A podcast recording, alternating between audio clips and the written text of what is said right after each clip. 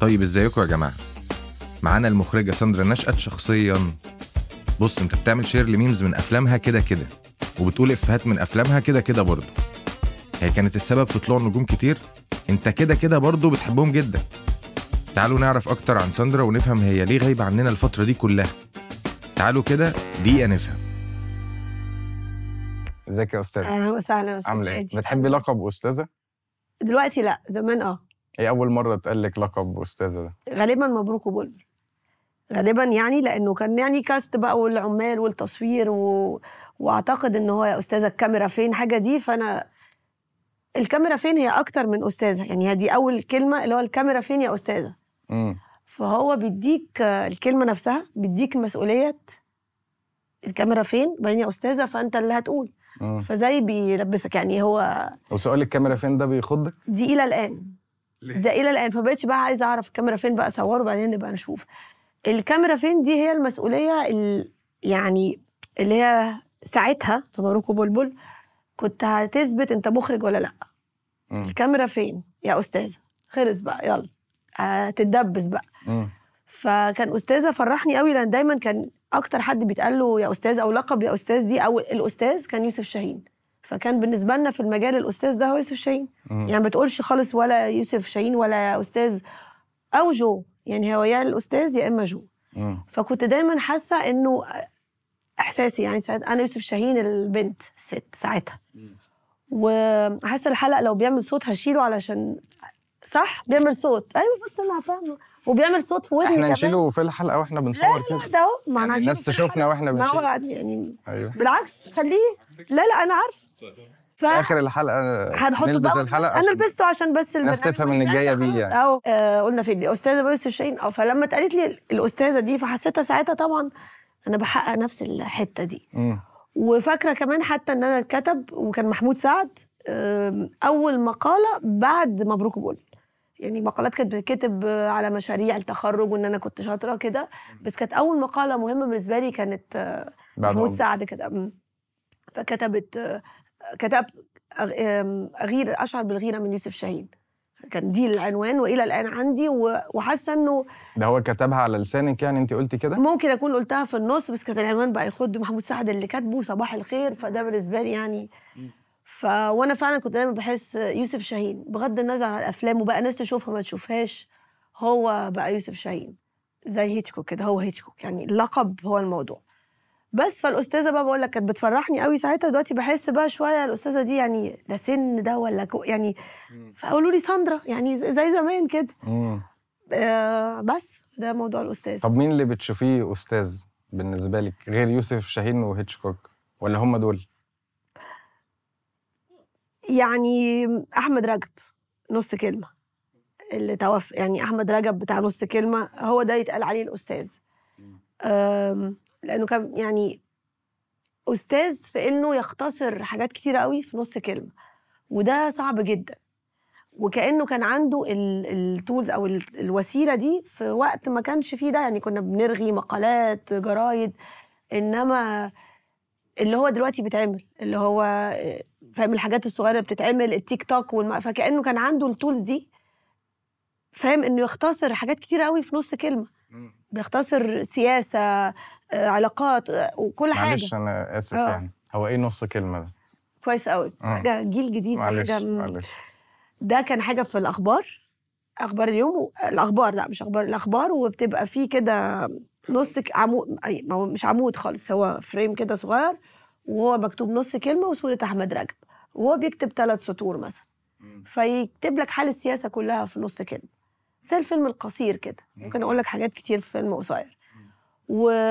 وكان عنده حاجة اسمها الحب وسنينه وصور مقلوبة. حاجات كلها على العلاقات ال- الأسرية والعلاقات الحب. ويقعد ينتقد وكده في نص في سطرين.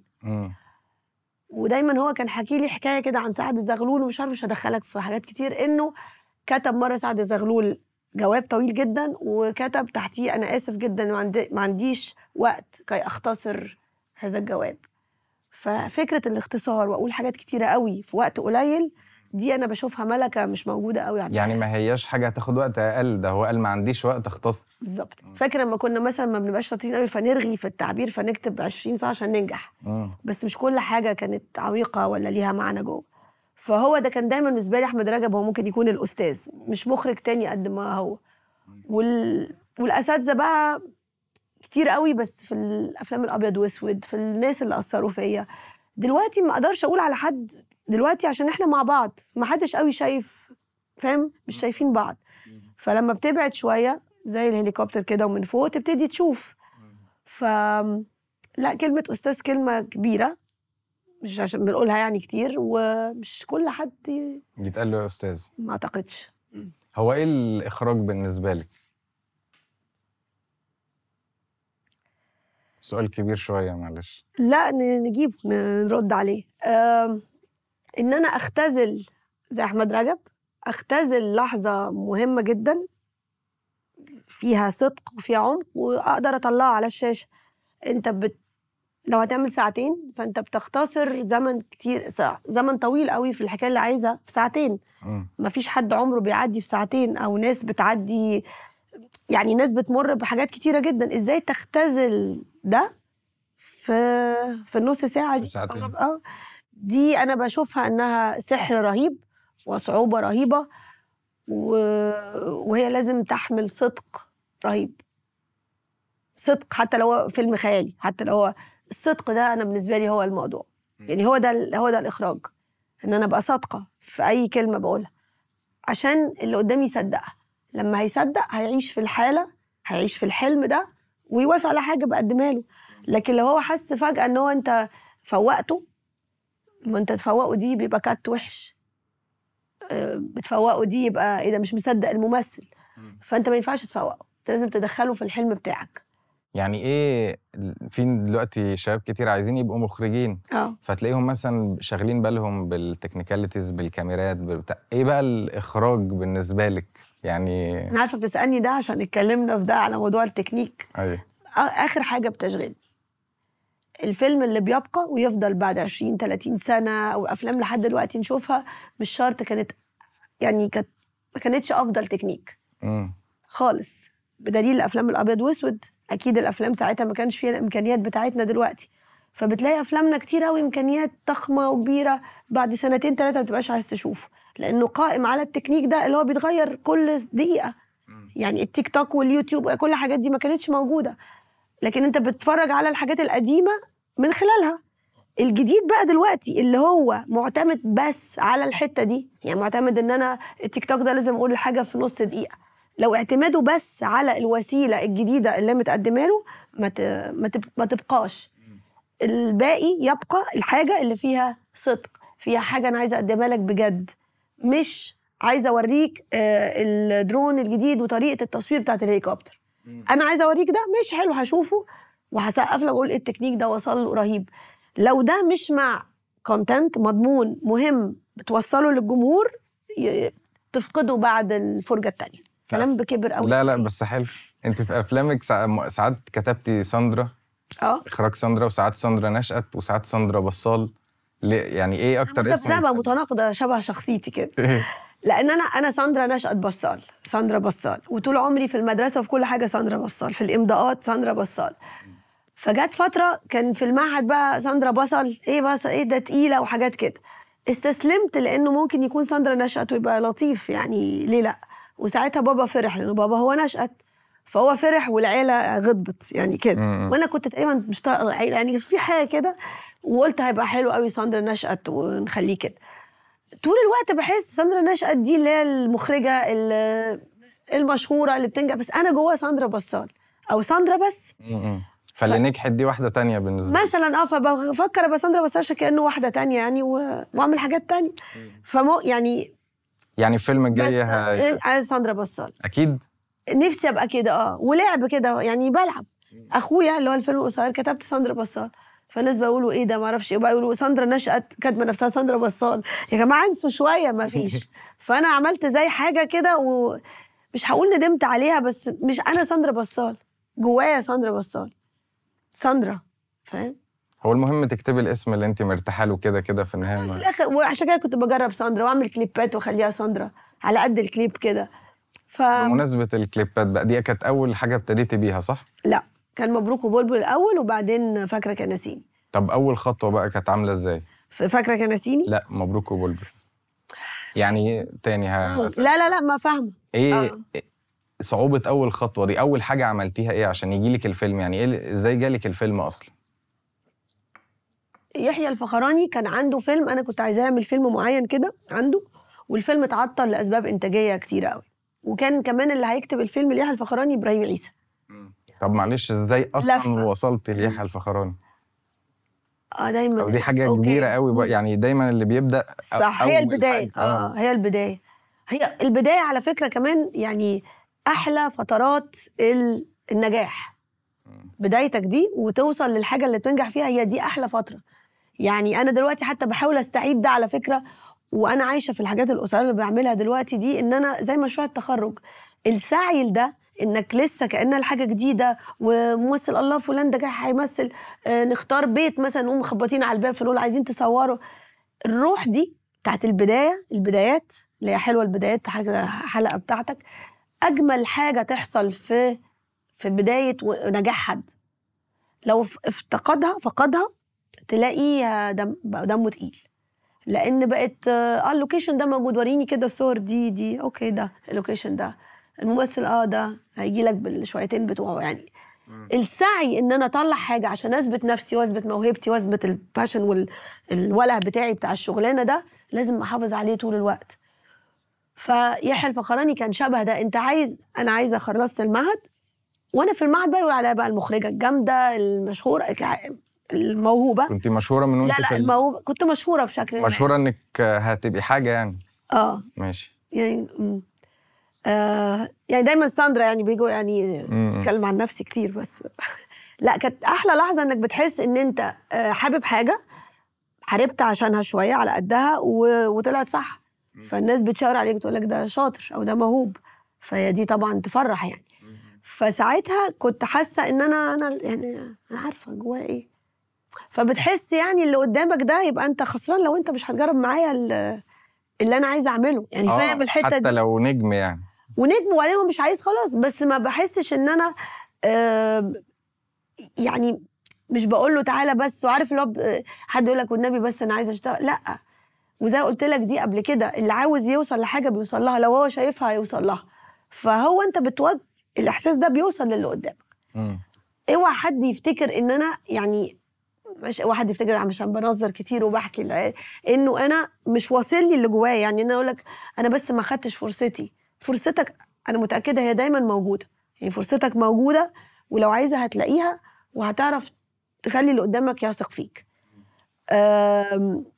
ممكن في عقبات في حاجات بس خليك دايما لو أنت حاسس ده اللي أنت عايزه البيبان مفتوحة. فخلي يعني لو أنت ده جواك هتلاقي حاجة زي اللي عايز ركنة. مم. لو انت حاسس مش هتلاقي ركنة مش هتلاقي ركنة مم. ليه أصل هي الركنة موجودة بس انت مش شايفها من كتر إحساسك إن أنا مش هلاقي ركنة لو انت عايز تلاقي ركنة صدقني هتلاقيها وجربها هتلاقيها مم. هي في ركنة في حتة بس انت مش شايفها. فمش عارفة دلوقتي لا بس يعني مفهوم. مف... آه. فكانت ال... يعني هو دي كده فأنا حسيت إنه كان آه، مخلصين المعهد آه كان في أفلام مطلوب مننا معهد السينما هيعمل أفلام تسجيلية مثلا عن ناس بيكرموها في الأوبرا في المهرجان القاهرة. واختاروا ثلاثة كده آه، أنا واثنين كمان آه، نختار. كان في مديحة يسري وشكري سرحان وكمال أبو العلا فأختار حد منهم وأنا اخترت كمال أبو العلا أكتر حد مش معروف هو مونت... مونت... مونتير مم. مونتاج. هو كان اللي عمل أفلام يوسف شاهين وبداياته مع يوسف شاهين وكل الحاجات دي. فكنت حابة جدا أعمل فيلم معاه. الفيلم تسجيلي عنه يعني. مم. وفاكرة بقى إني رحت المافيولا وقعد يشرح لنا وقعد يشرح لي على الباب الحديد عشان كده المونتاج عندك حاجة مهمة من زمان يعني. المونتاج هو الإخراج التاني للفيلم. أنت ممكن تعمل تصور حاجات كتير قوي. لو ما اتحطتش صح تعمل مونتاج صح زي أنت ما بتلبس كده. يبقى ما انسى مش هيتشاف. مم. وممكن material مش حلو قوي تقوم واخده تعمل له مونتاج معين يتشاف. مم. بس العكس لا. بس فعملت ال- كمال أبو العلا ده في المع... في الأوبرا واتعمل وكان أحلى يعني فيلم حلو قوي يعني ساعتها مش هقول أحلى فيلم. إنما كان إيه ده؟ ده فيلم معمول بشكل غريب. أنت بتكرم واحد هتروح تعمل له interview لا أنا رحت له في مكانه وقعد يشرح لي حاجات على المافيولا على باب الحديد. المافيولا دي اللي مش بيعرف طريقة المونتاج القديمة للسينما. اللي هي قص ولزق اللي بتاخد شريط. أو قص ولزق بس أصعب من كده بكتير. زي الأفلام الفوتوغرافيا أو التصوير. ويعمل مونتاج. وبس. وكان يروح بالبدلة. يعني هو يروح المونتاج بالبدلة والكرافته يمنتج بالطريقة دي. رايح الشغل مش هزار يعني. مم. فكان هو بقى وسعيد الشيخ وكمال الشيخ كان كل العباقرة دول. المهم عملت الفيلم التسجيلي ده. وأول فيلم عمله هو بابا أمين لما- ليوسف شاهين. عشان كده كنت عايز يوسف شاهين يطلع في الحلقة المهم ساعتها شافوا يحيى الفخراني. دي المرة دي المرة اللي رحت فيها يوسف شاهين ما والخ... تحكي لنا القصة. معقولة دي قصة طويلة والناس ممكن تزهق وكده. لا ما حدش عايز محدش بالعكس. كنت عايزة يوسف شاهين يطلع في الفيلم. المهم بس آه ساعتها بس عشان ما ننساش ده يحيى. الفخراني. شاف الفيلم ده وسلمت عليه وقلت له أنا اللي عاملة الفيلم ده. برافو عليك انت شاطرة جدا. هو ساعتها كان كمان سليم البدري أو كان ليالي الحلمية كان في الحتة دي. مم. فأنا بس سلمت عليه كده. بس حسيت ساعتها بعرف اللي هو أنت هو لو سلم على أي حد أي حد. بس يحيى الفخراني بيسلم على البنت اللي أخرجت الفيلم ده. فأنا حاسة بقى مسخر أنا اللي عملت الفيلم ده. برافو عليك أنت شاطرة قوي. بس بقى اصطدتها بقى مسكتها دي. هقدم له فيلم اقدم له سيناريو أنا البنت اللي عملت مافيولا مم. وعشان كده كمان أي حد بقول له خلي عندك أمارة أي أمارة اصطاد لحظة ممكن تجيلك مم. فدي كانت أمارة. يعني أروح لف- لفخراني أقول له أنا عملت إيه؟ أنا واحدة طالبة في معهد السينما أنا عملت المافيولا وبعدين أوري له مشروع تخرجي وبعدين فيبقى في أمارة في حاجة بتوري له عشان ما تقعدش تتكلم عن نفسك كتير. مم. شغلي اللي يقول أنا بعمل إيه. ومنها بقى حصل اللفة دي ويحيى الفخراني واديت له الفيلم بتاع إبراهيم عيسى حصل حاجات إنتاجية آه، كان عنده بقى مبروك وبلبل. قال لي إيه رأيك ده في التلفزيون؟ بقى له فترة تعمليه قلت له تعمله طبعا يعني يعني. بيسالني بس وابتدى المشوار. ده الكلام ده على فكرة مهم قوي لأن دايما لما بتطلعي بتتكلمي من أول مبروك وبلبل بس الناس مش عارفة وصلتي له إزاي بقى. صح أول مرة أحكي حتة الفخراني دي صحيح. يعني ما بقول لك كانت عشان كده كان ممكن ساعتها ما أعملش الفيلم مثلا اللي قالوا لنا في تكريم هتختارنا تعملوا فيلم مثلا. ممكن ما أعملوش أو أعمله باستهتار. لا كنت عايزة أعمل كل حاجة صح عشان كل حاجة الصح دي هتبقى هي دي السي في بتاعي هو ده. كنا آه احكي لنا. بقى عن لما قابلتي يوسف شاهين. طب أنتوا الناس نامت. ليه؟ بجد؟ لا بالعكس. احكي على يوسف شاهين. ماشي. لا ده في حد بياخد سيلفي تقريبا من كتر ما هو فخور فخور بال لا الناس ما نامتش خالص. دي دايما بقى اللي بتبقى مثلا حتى في الأفلام إنه يا ترى الفيلم بتاعي ده لازم ما يبقاش فيه لحظة ملل. لو لحظه انت بتقول حاجات كمان مش هامة الشخص وبيعمل حاجة راح يجيب فلوس. يبقى انت ما مش لا ما. أنا هقول لك ال- انت الكلام ده بالنسبة ده- لك ممل لأن هو بقوله حياتك. كتير؟ okay. لا لأن دي حياتك انت عارفاها يعني إيه. التسلية في كده. بس بالنسبة للناس اللي بتتفرج ماشي. طب. هم عارفين يوسف شاهين إيه ولا خلاص كده ولا؟ لا يسمعوا عنه أكيد. آه. يوسف شاهين طيب. كمال أبو العلا عامل أول فيلم مونتاج في حياته كان يوسف شاهين بابا أمين. فيلم كده فيه حسين رياض وبتاع. مم. فأنا حبيت إن أنا أعمل عن مافيولا أقول له أي أول فيلم وما أعرفش إيه فقال لي يوسف شاهين. وكمان في بابا أمين كان كمال أبو العلا ممثل مع يوسف شاهين. قلت بس هو ده بقى يبقى أنا هعمل إيه؟ interview مع يوسف شاهين أو أطلعه حتة يتكلم فيه على كمال أبو العلا عشان ده تكريم يعني. وكان أصحابي بيشتغلوا في المهاجر تقريبا بتاع يوسف شاهين. وكان في الصحراء بقى وبيروحوا سقارة وكده. وإحنا كنا لسه أنا طالبه في معهد السينما. بس قلت يعني لازم أروح يوسف شاهين وبأي شكل ساعتها بقى لا في موبايلات ولا في حاجات وتقول ألو تاخد ميعاد مفيش. ولما بيصور فيلم يوسف شاهين انسى إنك تشوفه. يعني انسى إنه يقعد يقابلك في حتة هو في التصوير في اللوكيشن بتاعه في التحضير وكده. فكانوا معايا الولاد أصحابي بتوع صوت وكده بيشتغلوا معايا في في الفيلم. قلت لهم أنا عايزة أقابل يوسف شاهين وبتاع وأسأله لو يطلع في فيلم كمال أبو العلا فانت مجنونة يوسف شاهين تساليه ف- آه هجرب أسأله يعني. إيه المشكلة؟ ودوني أروح التصوير يوم وكده. ففاكر يعني عمري ما هنسى يعني قلت لماما أنا رايحة النهارده سقارة كنت عربيتها 128 مش عارفة إيه بتاعت أخويا أخدها أروح. انت اتجننتي هتروحي سقارة؟ هروح بدري يعني على سبعة ثمانية هما يكونوا بيحضروا. هسأل يوسف شاهين وكده وأرجع. مفيش موبايلات بقى. مم. بالعربية بيحضروا كان يسرى آه كل بقى الأسماء كل الناس اللي في والناس تعرفني شوية. يعني يسرا تعرفني برضو إن أنا ساندرا الشاطرة عارف اللحظة دي؟ سندورة مش عارف إيه تعملي إيه هنا؟ أنا بس لما يوسف شاهين يجي هقابله هسأله على حاجة. آه طيب. وكان كل الناس اللوكيشن بيديك إحساس يعني البنت دي اللي جاية تسأل يوسف شاهين على حاجة في يوم تصوير دي أكيد مجنونة.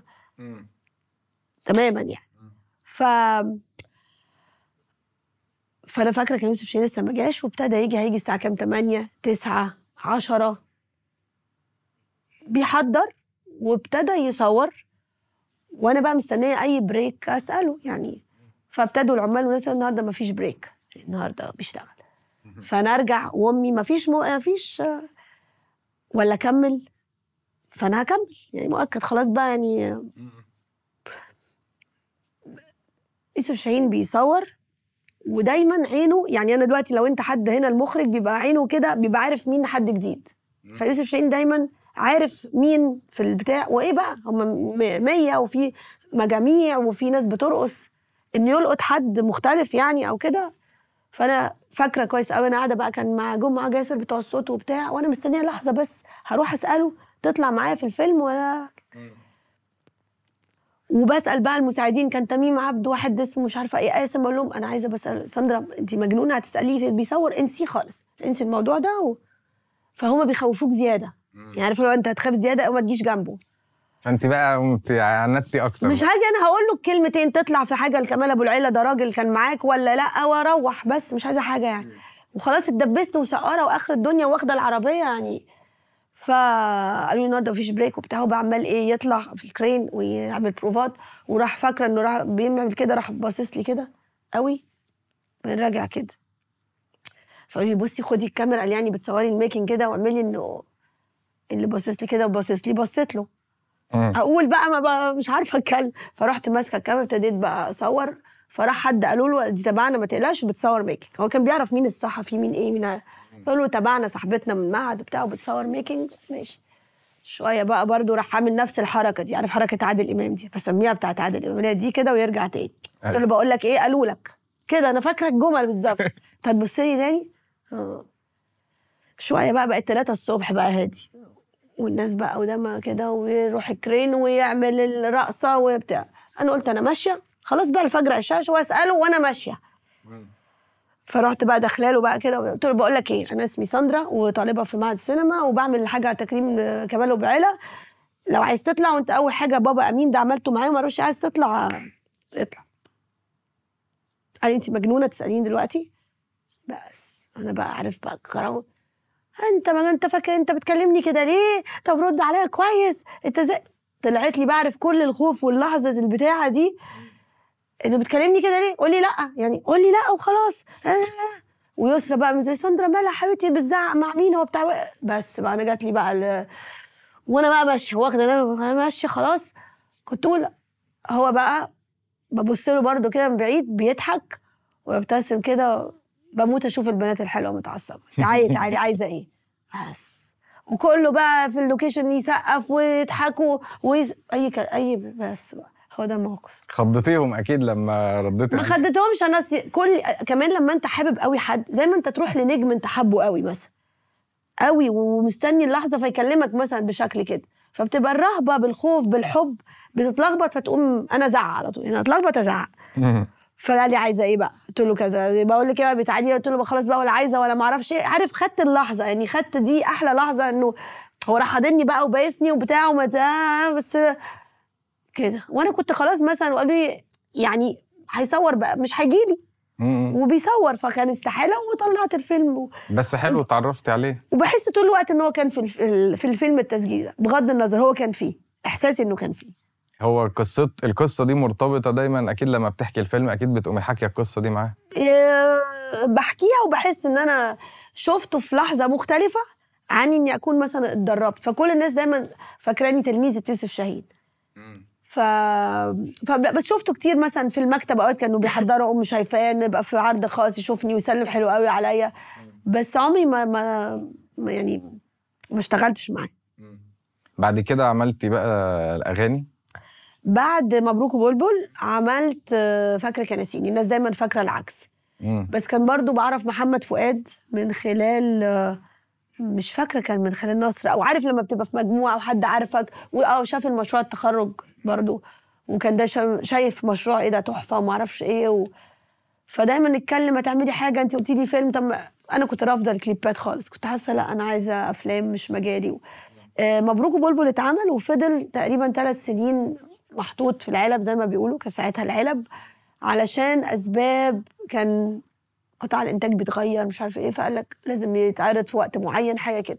فكنت حاسة عارف هو أنت مخرج مع وقف التنفيذ. يعني فيلمي موجود وعملته مخرجة وما حدش شافه لسه. قعدت ثلاث سنين عملناه و... عقبال ما يتعرض عرض. مم. فقلت هجرب الأغنية. كنت فاكرة إن أنا الأغنية كمان عايزة أعملها تعلم. لما أعمل حاجة تتشاف تبقى صح. فقال لي ساعتها مش عارف إيه طب نجيب بنات بتاع من استعراضات من فين ونعمل إيه؟ قلت له هنجيب أطفال. اشمعنى؟ لي كده تحسك دايما كده يا محمد. ما أعرفش يعني كنت ساعات عايزة أطفال. لأنه كان دايما الكليبات برضو كان تحدي شوية. طول الوقت يجيبوا بنات حلوة بترقص وإشاربات وحاجات و... فيعني طول الوقت كده حاجة. فكنت فيك. يعني كنت تبقى جميلة الاستعراضات حاجة حلوة بس ما كنتش حاسة إن أنا عايزة محمد فؤاد يطلع تاني برضو بنات بترقص ورا يعني. وكنت عايزة أعمل فيلم قصير كأنه حاجة قصيرة. ده كان الشرط إن أنا أعمل أغنية إنها تبقى مش واحد بيغني مطرب ما فيش حاجة بتتقال وراه. فعملت فكرة بقى اللي هو يبقى مدرس وزميلته تبقى بتاعت موسيقى ويتقابلوا ويشوفوا بعض وكلام من ده. وفي الحارة زينب خاتون والكلام ده كله. صلاح مرعي اللي هو أعظم مهندس ديكور يعني المفروض اللي هو كان هيعمل أخناتون بتاع شادي عبد السلام. مم. اللي هو بيعمل الحاجات دي هو اللي نزل معايا يختار الأماكن اللي هصور فيها. يعني مفيش حد كبير على ح... فاهم قصدي؟ صلاح زمان أصلا عندك الحوار ده يعني برضو في مشروع التخرج طلبت اللي يعمل لك ال راجح داوود. آه يعني ما بتخافيش تروحي الاسم كبير تقولي له تعالى اشتغل لا معايا. لأنه لو فنان حقيقي ما فيش حاجة. يعني أنا زي أنا دلوقتي لو أنا وصلت شوية إن أنا الناس تثق فيا وإن أنا خبرتي أحسن بيبقى من العبط إن أنا لما يجي حد صغير يطلب مني حاجة أو كده إن أنا أقول له الفن ما فيهوش سن. الموهبة ما فيهاش سن. فالفن ده عشان كده بقول لك يوسف شاهين فضل يوسف شاهين فضل صغير فضل صغير لحد ما هو مات 80 سنة ولا عنده كام سنة بروحه بإنه طول الوقت يست... يجلب الناس الصغيرة ويسمع أفكارها يوسف شاهين عمره ما بيكبر. عشان كده دايما بفكر إن أنا مهما كان عمري عمري يعني ليها أمارة الحكاية دي. في ناس مخرجين وفنانين وممثلين ما يكبروش. وفي بيبقى هم صغيرين من هم صغيرين عاوز يتنجم ويبقى النجم ويبقى قاعد ممثل أو مخرج أو حاجة. بيستكبر على الفن بيستكبر على المو... بجد. بيوصل لحالة كده هو خلاص أنت نجم النجوميه ليها حتتها.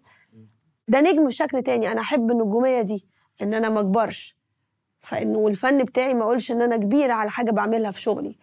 فعشان كده هو فهمت؟ فما فيهاش راجح داوود. آه لو هو فنان راجح داوود لحد دلوقتي بيعمل لي الفيلم القصير مثلا بتاع أخويا عمله لي. فهو هيقول لا ليه؟ لو هو شايف إنه ده في فن إن شاء الله إعلان لو في فن. لكن هو مش بيعمل حاجة وخلاص وهو فاهم؟ ف حسيتي بفرق بقى وانت بتشتغلي مع نفس الشخص اللي اشتغلتي معاه مشروع التخرج بعديها بسنين بتشتغلي معاه؟ نفس الشخص. نفس الشخص؟ نفس الضياع. وانت نفس الشخص برضه. نفس الضياع. طب إيه أول عمري ما عايزة أفقد دي. نفس الحاجة بقول لك بحس الوقت إن عايزة مشروع التخرج ده الروح بتاعته تفضل. اللي هو البحث اللي هو الفرحة بشوت حلو الفرحة بممثل قال كلمة إيه ده بشكل يجنن. الدهشة والفرحة دي لو راحت أنت خلاص. أنا رأيي كده. في, في أي فن. طب إيه أول حاجة بقى كسرت الدنيا بقى؟ اللي هو إيرادات بقى وصحافة وبرامج وكل حاجة. لا هي من أول طلعة في ده بس بشكل مختلف. يعني مبروك وبلبل في البنت اللي عملت فيلم وهي صغيرة أول فيلم في حياتها. في مشروع التخرج إيه المشروع ده اللي الناس تتكلم عنه؟ ويجي حد زي محمود مرسي يقول لي إيه الفيلم الجامد ده كده. آه، في فاكرة كنسيني تكسر الدنيا. في في الأفلام بعد مبروك بلبل اللي خلتني أحبك. كان ليه طعمه برضه. آه، ناس كتير قوي عملت أفلام اللي هي التيمة أو الجنرا بتاعت ليه خلتني أحبك بس ما بيعيشوش يعني في السينما بس وخلاص. اشمعنى ده لسه الناس بتتفرج عليه؟ عشان قلت لك عليه فيها حاجة صدق برضه. أعتقد. يعني وانت بتعمليه ما. كنتيش نازلة اللي هو لا نازلة. محتاية ولا حاجة؟ عمري ما بنزل لحتاية لا.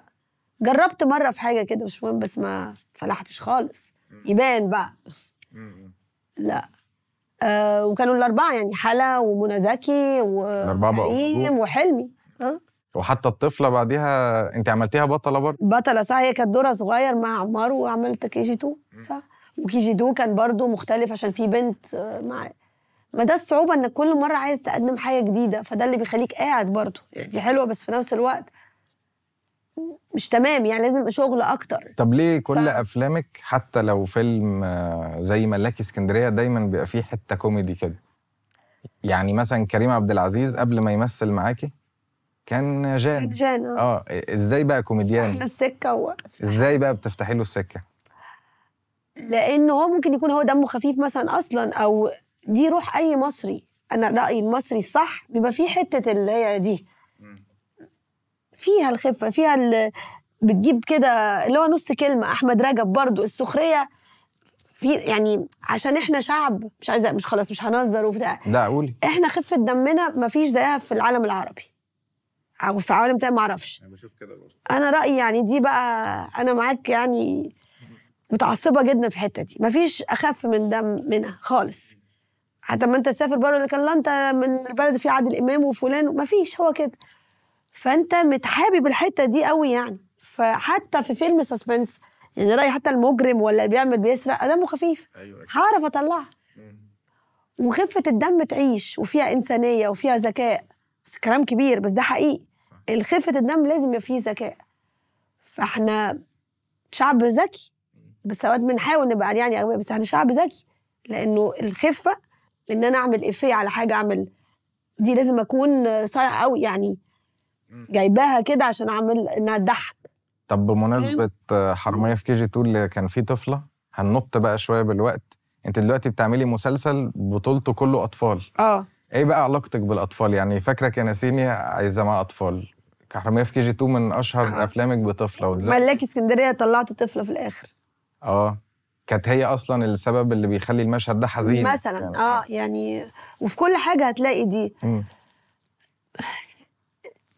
تدريب الأطفال أو إنك تطلع طفل بيمثل كويس زي الحيوان لو جبت كلب مثلا ويطلع حقيقي كده فأنا رأيي إنه أصعب حاجة. مم.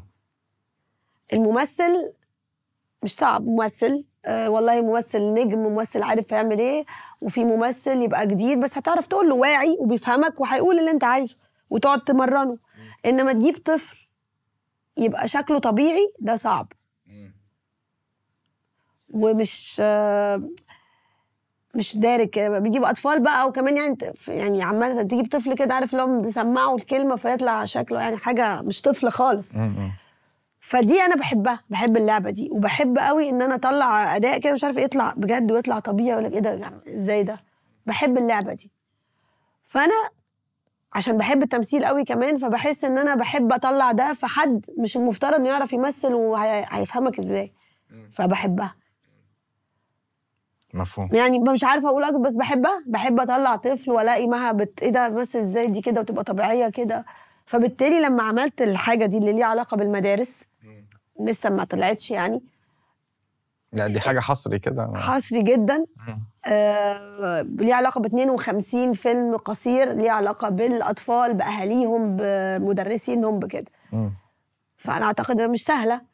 وإنها تطلع حقيقية وطبيعية وأطفال ده المرة دي كلهم أطفال يعني مش طفلة ومعاها كريم عبد العزيز وحنان. ترك آه. ده هو كله أطفال. ولأن إحنا بنفق... يعني مفتقدين الحتة دي في مصر. من برامج من حاجة تخصهم مش موجودة خالص. وبنعتبر إنه ده آه، فئة عمرية مش متواجدة خالص. فدي مصيبة لأنه الفئة دي اللي هتبقى بعد كده تحب الفن اللي بتعمله هتعلمها صح. فده مش موجود في السينما عندنا خالص. فتلاقي يفضل فيلم فيروز يتشاف معرفش إيه. صح؟ مفيش. آه، ملاك وشيطان بتاع رشدي أباظة والبنت الصغيرة. ويقطع قلبك كده إنه البنت جبارة بتمثل حلو. فالأفلام دي قليلة قوي ولا برامج ولا حرامية في كي جي 2 أنا في KG 2 أيوه. وكمان مش بس الأطفال أنا بلاحظ لما يعني حضرت location ليك يعني وأنت بتشتغلي إن هو أي حد معدي لو شكله هتبصي لبسوه مايك. هيمثل فيقوم لابس مايك وداخل ممثل على طول. أنا بقى ليه بقى؟ يعني بحبه. بقى يفرق إيه عن الممثل اللي بيجي من مكاتب casting أو كده. وجبت من مكاتب casting أطفال أكبر شوية مثلوا كذا حاجة بيبوظوا. بيبوظوا. يعني إيه بيبوظوا بقى؟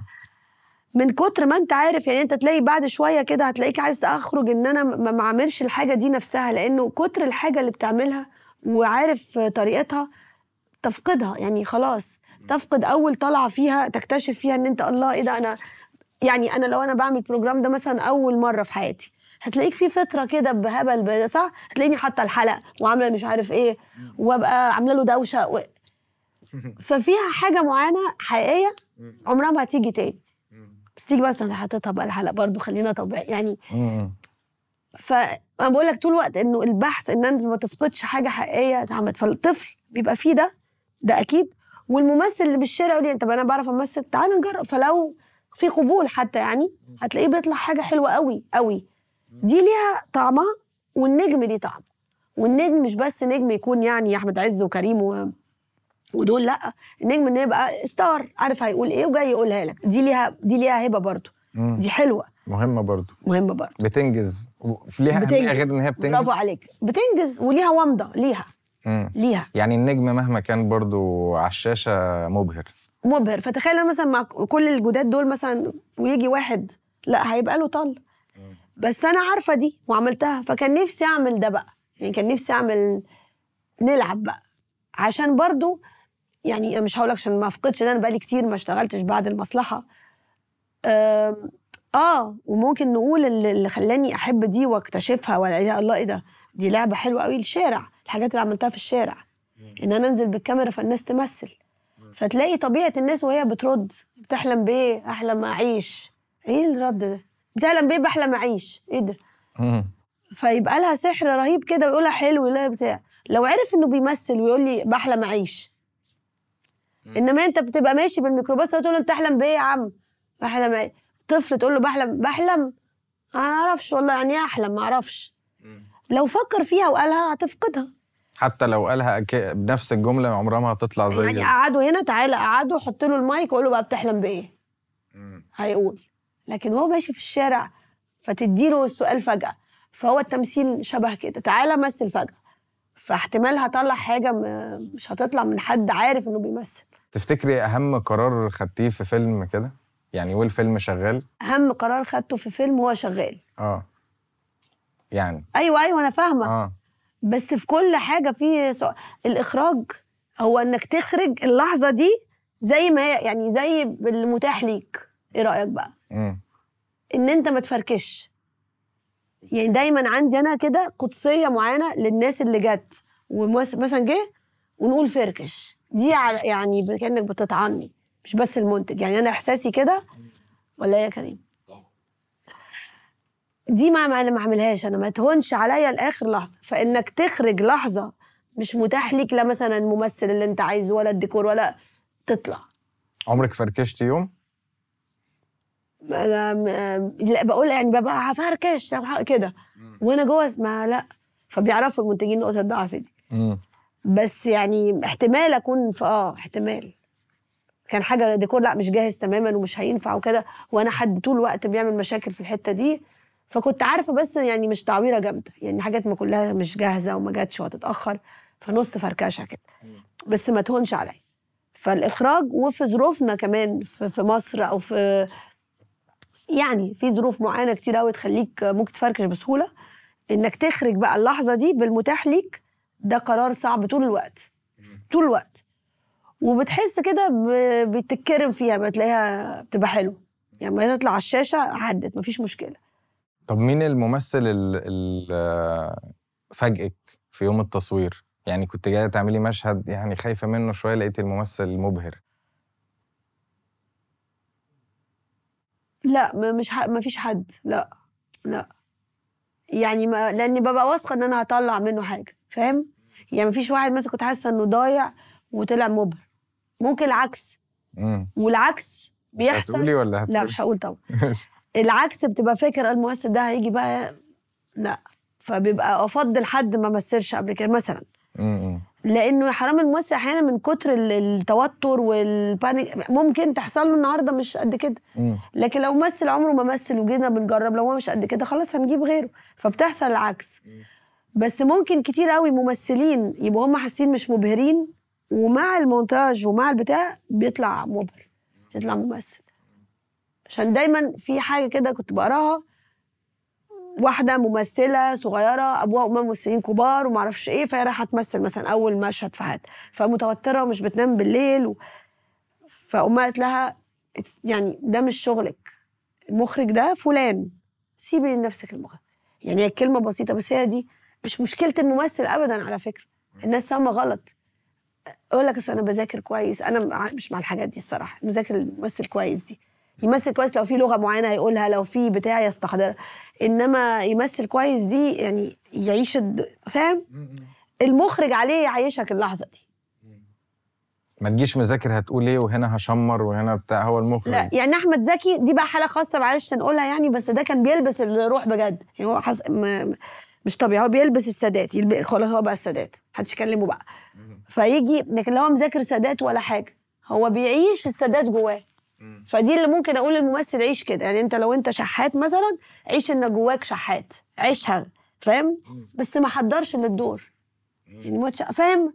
مش عارفة حاسة دي دي شغلتي. في بيقولوا بقى يعني نور الشريف مثلا بيقولوا كان العكس كان اللي هو يذاكرها. آه وممكن في النص لو حصل عطل ورا الكاميرا يلف يساعد وبتاع. كان نور الشريف. عادي آه. ويلف يرجع عادي. ده حقيقي. فأنهي طريقة بتحبيها أكتر مع الممثلين؟ بص كل واحد أصل أنت بتجيب لي في أيقونات يعني أحمد زكي ونور الشريف ويحيى الفخراني ومحمود عبد العزيز وعادل إمام في كام اسم كده يعني مش كل واحد حاجة مش. هتيجي جنبه هقول لك أصله دي طريقته ويا أحمد زكي كان دايما يقول لي أنا هو دايما شايف هو يحيى الفخراني كده فيهم حاجة من بعض وعكس بعض تماما اللي هو المو... اللي هي الموهبة يعني هو.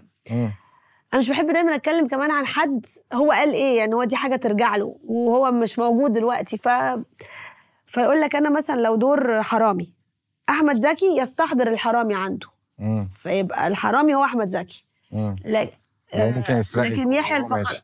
آه يسرقني جدا هو ماشي آه. بالظبط الفخراني هو يروح له أنت فاهم. يعني ال- يعني يحيى الفخراني بيعمل دور الحرامي الفخراني عامل حرامي أوكي. إنما الحرامي ده بقى أحمد زكي. يعني هو دخل في أحمد زكي بقى حرامي فهو دايما يقول لي دي فعلا. فدي طرق مختلفة. نور الشريف هيدرس الحرامي بيعمل كذا ولازم يفكر في كذا ويعمل كذا قبل ما يجي وبتاع. لو أنا بقول لك إنه ده لازم يذاكر فبالتالي الممثل اللي بجيبه يعمل الحاجات لأول مرة يبقى مش هيعرف. طب ما هو بيعرف وبيطلع ممثل كويس. فتبقى إزاي؟ فاهمني؟ هي ملهاش قاعدة. زي الحب. ملوش قاعدة. بنقعد ننظر إحنا كتير وفي الآخر ملوش أي قاعدة بصراحة. فيجي ممثل لاول مرة يمثل يطلع جبار يجي ممثل خبرة يطلع ده دوره مش حلو وفي الآخر كلها مسؤولية المخرج. مهما حصل يعني بنقعد نقول هو المخرج. لما حد يقول لي بس الممثل اللي معاكي ده ما كانش حلو خالص معلش بس هو فبحس إن الطعنة فيا أنا. أنا ليه ما طلعتوش كويس يعني؟ غلطتك برضو بتحسيها كده. طبعا. طيب انت الجواز بالنسبة لك آه، حاجة مش مهمة خالص. أنا عارف يعني ده كلام. بتحطيها في درج كده وتركنيها. إيه الجايزة بقى الحقيقية؟ يعني إمتى بتحسي انك اتكرمتي رفيق قال لك حاجات. أيوه رفيق. بحس مش دول يعني بحسهم بحبهم قوي بعدين اوقات تبقى جايزة شكلها مش حلو كمان. مش عارفة ليه مش بيهتموا إنه شكلها يبقى حلوة. بجد حتة بتاع كده ومكتوب تقدير حلو. بس بحس إنه لسه ما جاش. يعني كل الحاجات اللي خدتها دي مش مش كلام ولا بحسها لسه أنا لسه ما عملتش حاجة. بقول لك حاسة نفس الروح اللي جوايا بتاعت مشروع التخرج لسه ما عملتش حاجة. مم. لما تبقي قاعدة في السينما كده مثلا و طبعا والناس تقول لي و... دلوقتي اللي بي... طبعا بموت فيه إن الناس انت فين؟ حرام عليكي. انت بتعملي كده ليه؟ بتعملي فينا كده ليه؟ انت جننتي ويزعقوا لي أوقات بقى حرام عليكي انت قاعدة تعملي إيه؟ خلاص بقى وابنك كبر يعني دايما في كده أيوه ما هو انت دايما بيجي لك ناس تعرض عليكي شغل ليه ليه ما بتشتغليهوش؟ عشان عايزه اعمل حاجة بحبها قوي ونفسي فيها. وكل ما بقعد بقلق أكتر. وده مش صح. بقول لك ده مش صح. مم. يعني مش عايزه بس أنا قاعدة. لا مش صح. ما اشتغل والحلو هطلع حاجة حلوة في كل حاجة. لحد بقى اللي أنا عايزاه. ف بقلق بخاف. عايزة كل حاجة يبقى فيها حاجة مختلفة. مش صح. مم. في في وقت دلوقتي يعني حاجات كتير قوي بتتعمل وبتحصل و... ومش عارفة عايزة تواجدي فيها يبقى مختلف. فاهم؟ فاهم. شوية. آه. يعني مش عارفة عايزة أعمل حاجة حباها قوي طب ما أنا بس بعمل حاجات الأطفال دي حتى لو هي مش ده الفيلم. وكل حد يقول لي آه ده حلو بس فين الفيلم بقى؟ أنا عايزة الروح دي دلوقتي. يعني أنا بدور عليها. اللي هي المشروع اللي هي الحاجة اللي لسه جديدة لسه بكر كده لسه في حاجة. أنا فاهمك بس معترض يعني. ما أنا فاهم لا لأن لأن انت أفلامك القديمة اللي كسرت الدنيا صح؟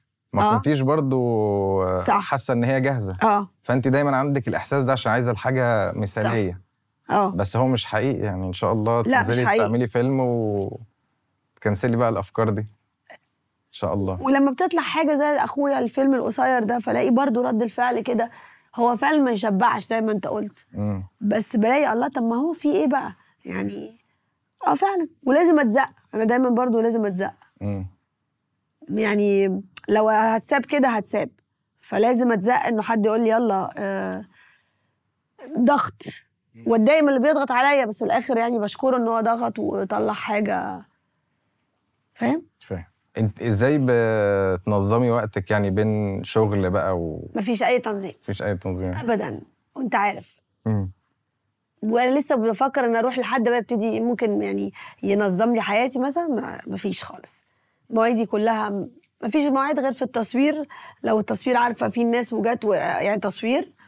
ومواعيد المدرسة الصبح. لا يعني في حاجات كده مش عارفة أعمل فيها حاجة. بس غير كده أنا افتكرت السؤال. إزاي اعرف انظم نفسي؟ مش عارفة انظم نفسي. لا. أنا نفسي. الحقيقة نفسي ما يعني طب كنت منظمة زمان أبداً. برضو؟ يعني اطمن أنا يعني أصلا أصلا عايش كده. برضو. وكل حاجتي على آخر لحظة. يعني لو أنا اتسمى حاجة لو آخر لحظة. وبتيجي حلو. فيمكن برضو الدلع إنها الحاجة بتيجي فاهمني؟ عشان بتيجي حلو حتى فانت حضرها دلوقتي تبقى حلوة. زي لو أنت عازم ناس لو أنا أحضر بقى مثلا أسبوع عشان عازمه الناس مثلا بانيك وما يحصلش وبلغي العزومة. يطبوا عليك بقى. في آخر خمس دقايق تحضر الحاجة تبقى زي الفل. فده بوظني ومش صح قوي انه في حاجات بتضيع منك عشان آخر لحظة. فتنظيم لا غير منظمه وعمري وبكره لما جاية لك بكره المواعيد. واقعد أقول أنا إيه اللي قلت له آه وليه قلت له الساعة كذا؟ وأنا ممكن ألغي بقى. أنا مش عايزة أروح. كده بقى, بقى يعني بجد.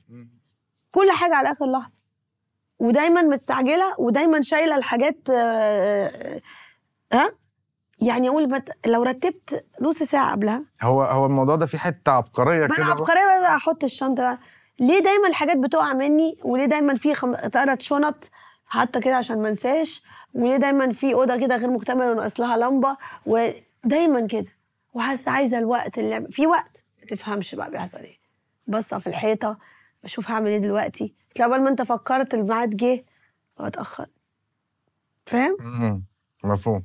لما انزل اوصل سليم أحيانا اوصله مثلا فبأخر. اليوم اللي هو بوصله فيه مش عايزة سيبيني. طب إيه الميعاد بقى اللي هو استحالة. تاخري عليه بقى؟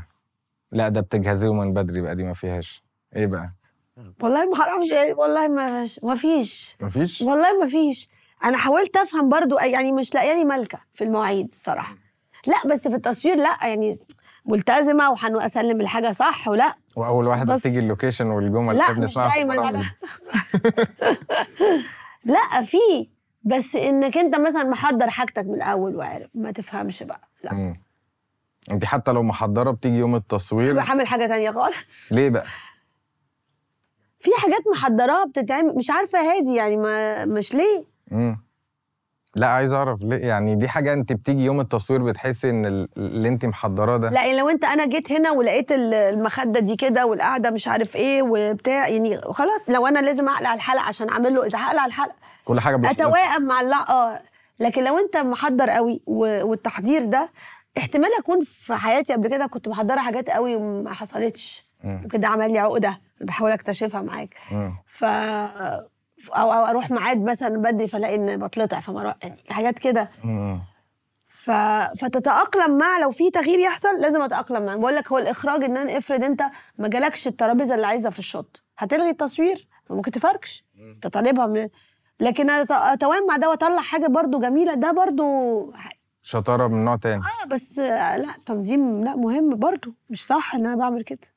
يمكن طالع عبقرية في حتة بس في حتة تانية بايظة. هو ده اللي خلاكي آه، تعملي فيلم بحلم. ده حلو جدا إنك مش متعودة تروحي يلا. بالظبط. بننزل يلا تسأل يطلع حاجة. المونتاج بقى تل- تلوص فيه ماشي بس آه آه، اللي هي ال- ال- اللحظة الفطرة إن أنت مش محضر قوي الحاجة أنت عمرك رحتي دخلتي السينما فيلم من أفلامك كده قعدتي ورا من غير ما الناس تعرف إن أنت حرامية في كي جي 2 وإيه بقى حسيتي بإيه؟ حسيت تحفة. لأنه كان كل الناس بيتكلموا إيه البنت ده مش ممكن الفيلم الطفولة مش ممكن فبيتكلموا عليك كأنك بالظبط لو حد مات يعني يقولوا هيقولوا على إيه. بس. مش كده أنت بيتكلموا عليك الشر يعني وأنت مش موجود. بيحكوا عليك حاجات وأنت مش موجود. واللي هي يعني مش بتاعت عارفين آه السينما دي أكيد. والحقيقة بقى كلها. مم. طب في ساعتها إفيهات أنت كنت عاملة حسابك تضحك؟ ما ضحكتش قوي وحاجات؟ طبعا طبعا.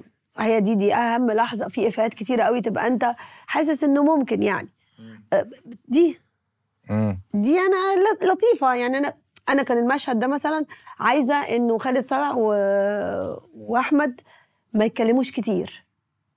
يعني دايما عشان دايما كنت حاسة إن ملاكي كمان عايزه أعمله عارف السينما زي ما كنت أروح السينما تلاقي وش كبير وأداء تمثيلي وكنت دايما نفسي قوي في ال... في ملاكي ده يبقى عامل كده. عشان كده تلاقي الوشوش كده. نفسي قوي في الإحساس ده. فكنت عايزة في العزا كمان يبقى الحوار قليل قوي بينهم. لأنه اللحظة عارف لما أنت تبقى حزين اللحظة أهم. فالكلام إيه اللي هيقول؟ فعايزة الصورة توضح اللي بيحصل. فكان لازم يقول له إنه واخد فلوس في الحكاية دي واخد 2 مليون. فمش عارف إيه نعمل إيه؟ ويقولها له اتنين يقولها له مش عارف إيه. فأنا كده وأنا حاسة إنه إزاي يقولها وكده؟ فأعمل له الحركة دي. فالله لذيذة وحلوة وخلاص. في السينما بقى إنك تحس دي آه الضحك والبتاع فأنت قلبك يفضل يدق بقى. آه دي لح... دي أحلى حاجات بتحصل طبعا. الحصان بتاع أحمد عز في مصلحة. أنا عندي الوسواس ده مثلا لو المكه تلاقيني كل شوية بعمله كده. فكان فعلا في حصان في الديكور كده ومحطوط حصان يا حرام ملوش علاقة. جبنا الاكسسوار فلقيت الحصان ده كل شوية بعدله كل شوية بعدله. ف فشخصية عز المفروض عنده لوسة برضو بتاع المخدرات ده. فحسيت إنه يبقى لذيذ قوي إنه يعمل لوسة كل شوية يعدل الحصان ده اللي شكله كده ويبقى عنده حاجة في دماغه بايظة شوية. فتبقى دي. طب أنت إيه أكتر أقرب لشخصيتك؟ يعني ملاك. اسكندرية ولا آه، حرامية في كي جي 2 وكده؟ لا الاثنين لا الاثنين والاثنين بي بيزيد إحساسهم يعني حبي ليهم لما يتعرض ويلاقي نجاح. يعني الرهينة في السينما ما كانش نجاح ال- قبل. ملاك آه، اسكندريه ملاك. لا آه آه كان- آه. ملاك الأول. لا ما أنا فاهمة بس قصدي كان قبل ملاكي على طول آه. ما كانش نفس اللحظة. دلوقتي الناس بقت تحبه يعني بقى مختلف. ليه بقى؟ لأنه كمان ما ينفعش تقارن حاجة بعد حاجة على طول الناس متوقعه إيه ده زيه آه، فاهم؟ المقارنة ساعتها في أوقات العرض حاجة تانية غير لما يخلص كده كل حاجة ساعات وتنزل بتبقي مش حابة الحاجة لما الناس تحبها تحبيها. عارفة الإحساس ده؟ عارفاه بس ما بيضحكش عليا فيه. لا. طب انت أصلا بقى بتحبي أفلامك؟ مش كلها بحسها دايما لسه ناقصة حاجة. إيه أكتر فيلم بتحبيه؟ بس ما تقوليليش آخر شيء. كلهم أفلامي وبتاع. آه لا ما كلهم مش. مش عايز أعرف آخر إن آخر شتا عايز أعرف في الأفلام الطويلة. بحب كي جي 2 وملاكي. حرامية في KG 2 أيوة، ما أنا عارف. وملاكي آه. بحب حرامية في تايلاند قوي عشان الاماكن والحاجات وكده. آه بس هو برضو كان بعد حرامية في KG 2 فالناس قال لك حرامية في يعني فيها أنا واللي خلتني بتجيلي فترات بحب حرامية في تايلاند أكتر آه. وفترات تانية بحب حراميه في KG 2 يعني ما مش أنا كده أنا كده برضو. بس ملاكي عشان كان الواقع بتقولي أكتر فيلم فممكن يكون ملاكي طبعا. يعني أكتر فيلم ملاكي ده اللي عمل برضو اكترهم بقى كان ليه خلتني أنا ملاكي بقى والمصلحة كان عشان عز والسقا موجودين مع بعض و... فكل واحد ليه عارف حتته. بتبقى صعبة بقى هتقولي حاجة؟ مم. بقول إنه لسه ال- الحاجة اللي أنت بتقولي عليها وإمتى ما حصلتليش لسه مش حاسة إنه لسه. أنا حاسة إنه لسه. جاية السنة الجاية إن شاء الله. ح- يا رب. إن شاء الله. الحاجة اللي هي ممكن على فكرة ولسه زي ما أقول لك بقى الفنان لما يحس إنه خلاص يبقى ما فيش حاجة تاني لا أنا حاسة لسه. يعني فعلا. طب كانت صعبة بقى لما بتشتغلي مع اتنين آه، نجوم وكده اتنين ممثلين بيرخموا بقى على بعض والحاجات دي؟ يعني م- مش عايزة أقول بقى بس, يعني كانت أحلى كواليس في الدنيا. كان رخامة بلذاذة عارف اللي هو بس, بس أنت في في- يعني. آه. في لا بس بلذاذة يعني بجد. يعني السقا أعمل زي نور الشريف شوية يعني بص إيه ده حاسب بص ال- الميكروفون هيقع منه يبقى قاعد معاك كده يقول لك الك- بص حالا دلوقتي اللمبة هتقع. أنا بقول تقع وتقع. لا هو السقا أنا افتكرته في الأول بيقعد يعمل. وهي بتقع. آه فعلا. فيا احمد طب ركز منها. بجد بص العربية دي بصي ماشية. الكاوتش بتاعها هيفرقع دلوقتي حالا. عشان طالعه احمد بس تلاقي عربيه بتفرقع. بتكلم بجد. فجنون بقى. بس هو كده. يعني السقا مرة أنقذ واحد كان معانا عمر ده مساعد مصور. فعمر ماشي وفجأة ما تفهمش عمر حصل إيه في لسانه فحس إنه بي- بنفسه بيروح وبيقع. بجد إحنا السقا بنمثل هو شافه إزاي؟ وإيه ما تفهمش حاجة خالص راح جاري واخد عمر ماسك لسانه طلع لسانه من بره عمر فاق. كان بلع لسانه؟ بلع لسانه. السقا إمتى شافه؟ وإمتى جري؟ وإمتى ما تفهمش. فعمر إيه بقى اشعر من كتر ما هو إحنا فعز كان تقول بس يا أحمد بس ركز بس في أداء ركز يا عم في تمثيلك انت بس وما كده. فكان بلازم بس السقا فاهم بيراقب أنقذ الولد. وإحنا بالنسبة لنا أحمد مجنون بقى يقعد يطلع فوق البتاع و... فهو بي... بي... مركز في 50 حاجة. فيقعد مع حتى مع السقا مع عز يقول له بص يا أحمد انت تحط دي كده أنا أقول له بس ركز بس والنبي وحاجتك. وهو فعلا بص أحط دي وأنا أقول له يا أحمد طب ركز في في المسدس بتاعك. يعني كده. فكانوا لزاز كان لا بس كان الحاجات دي ما شتتكيش عن الإخراج نفسه. بالعكس دي دي حل يعني حلاوتها إنه كانت الروح كده. خالد صلاح برضو خالد صالح الله يرحمه خالد. وعز في ملاكي. وفي روح معينة كده دي قمر وغادة ونور لا. انت يوم التصوير بالنسبة لك أصلا بيبقى جد وبتاع ولا أول طلعة بس. يعني هي أول طلعة الكاميرا فين يا أستاذة؟ دي بتموتني. بعد كده بتفكوا. آه لا وده يعني الكاميرا فين يا أستاذة في الأول كانت أصعب لأن أنا كنت عايزة أبقى عارفة. حتى لو أنا مش عارفة حتى لو مش واثقة هي الكاميرا هنا. غلط بقى مش غلط لازم هنا والناس تعرف ان أنا عارفة عايزة إيه. دلوقتي كل الناس عارفة أنا عارفة مش عارفة عايزة إيه. فاهم؟ لا لا ما حدش عارف كده لسه محدش عارف. آه. يعني باخد من روح الناس اللي قاعدة وأقول ممكن تبقى هنا ممكن يعني عندي كده والممثل ويقولها إزاي بقيت أكتر مرونة. إنما أنت في الأول عاوز تثبت إنك عارف وعنيد و... وهي هنا ومش هتتغير. أنا عارف أنا عايز إيه. وهل ساعد في ده؟ هل ساعد في ده الدخول الديجيتال؟ يعني زمان برضو لازم أكيد. عارف أنت عايز ساعد إيه وبوظ. بوظ برضه طبعا. بوظ إيه؟ عشان برضو نشرح. إن زمان ما الناس مش فاهمة زمان ده لو يعني زمان الفيلم بيبقى بوبينا يعني بيسموها بوبينا عبارة عن أربع دقائق هتحط الخام ده في الكاميرا والأربع دقائق دي هتخلص تحط بوبينا تانية فأنت وده بفلوس كتيرة قوي. تحميضها بفلوس. بعد ما تخلص إن أنا أعمل لك نسخة عمل تعمل عليها المونتاج فلوس. فهو الموضوع فعلا اللي هو الأفلام اللي هي المنتج بيشد شعره وهتخربطوا بيتي دي صورة حقيقية لأنه أنت كل ما دي بتخ... يعني غير دي فلوس. الدرارة دي فلوس. اللي هي بتاعت البنك. آه هنا دي ما فيش فلوس يا عم ناخد ساعة وخدوا اللي أنتوا عايزينه بعدين. مم. فدي خام وده ده بقى كنا ناخده كمال أبو العيلة اللي هو المافيولا ياخد شريط الصوت. بعدين عندنا شريط ال- الفيلم يعني والصوت وهنقطع في كل بتاع. وهنحط ال- ال dissolve ده مع ده نجربه وهنحط مش عارف إيه. ودي كلها لو الناس مش عارفة يعني بيبقى المشهد قد كده. shot واحد shot اتنين shot كده. وكل ده المساعدين بيقطعوه. وبعدين بعد ما يقطعوه يحط كل shot جنب بعض. عشان يجي المونتير بقى المعلم بقى اللي هو اللي بيقوم بالقبل كده مساعد المونتاج. يجي المونتير بيجرب دي مع shot واحد. وال cut بتترك زي العربية كده. أنا جربتها مرة واحدة بس في مبروك وبلبل بس يعني. بعدين دخل الديجيتال. عشان ما يحسوش إن أنا قديمة قوي بس كده. وبعدين تراك اللي على دي. لا بس ده ده المونتاج بس المونتاج. بس ملك اسكندرية كان فيلم كان كان خام سينما واتعمل ديجيتال مونتاج. بس ستيل التصوير كان بيعد تصوير. فلوس. بيعد فلوس. ملاكي تر كده. آه آه. المصلحة كان نص سر ونص ديجيتال. آه. فجربت كل الحاجات. أنهي بقى أحلى بالنسبة لك؟ أريح. لا ما أنا بقولك دي ليها قدسيتها إن أنا خلاص هادي خلص ترك خلاص بقى. آه، أنا هادي خليك بقى والكاميرا شغالة وبيروح يجيب الشاي ويقعد ور وستيل. آه. دي ما فيش الكلام ده دي تمو دي ده يبقى يعني ضايعين لو عملوا كده. والخام يتغير كمان وليها قدسيتها فالموضوع كان ليه الحالة دي. طبعا مؤكد إن أنا بعمل كده وأجرب أصور من هنا ونجرب هنا زي أنت البني آدم المدلع كده. خد من كل الزوايا يا سيدي. بس برضه لو انت موهوب انت مش هتطلع حاجة فاهمني. لكن هي بقت أسهل إنه ممكن أي حد يخرج. مش مهم يبقى فيها روح يبقى حلو بس اخرج. هصور من هنا وهنا وهنا وهنا روح لمونتير نطلع حاجة. الروح دي بقى لا الروح دي ما بتجيش بقى ولا يعني دي حاجة تانية. دي مش هتفرق. لا الروح والموهبة دي لوحدها. بس هتقدر تخ- تطلع حاجة. زمان لا انت هتعمل شوت وحش من هنا وبعدين من هنا بايظ يبقى مش فيش حاجة. مم.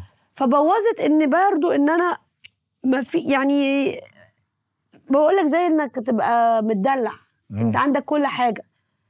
فما تقعدش بقى أصور بقى 20 ساعة وأعمل مش عارف إيه ونجرب في المونتاج كل الحاجات لازم أقول لك إنه في توقيت معين. لا ما تصورش كتير لا ما تعملش عشان يبقى لها قدسية زي ما قدسيتها. آه.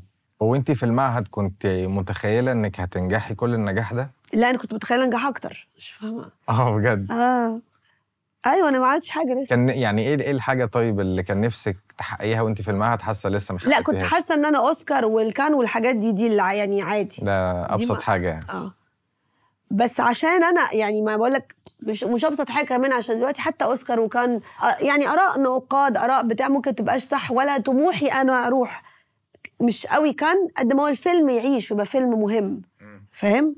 إنما أنا بعدها عملت الأفلام الجماهيرية دي اللي هي يعني آه كسرت الدنيا ومش عارفة إيه. آه ده مش شرط الجو, الجو يعني لو تقولي أفلامك دي هي اللي تروح كان لا ما تروحش. هي مش بتاعت مش كان بالذات بس يعني قصدي الأفلام دي هتعيش جماهيري بس هي نفسي قوي في أفلامي تغير حاجة.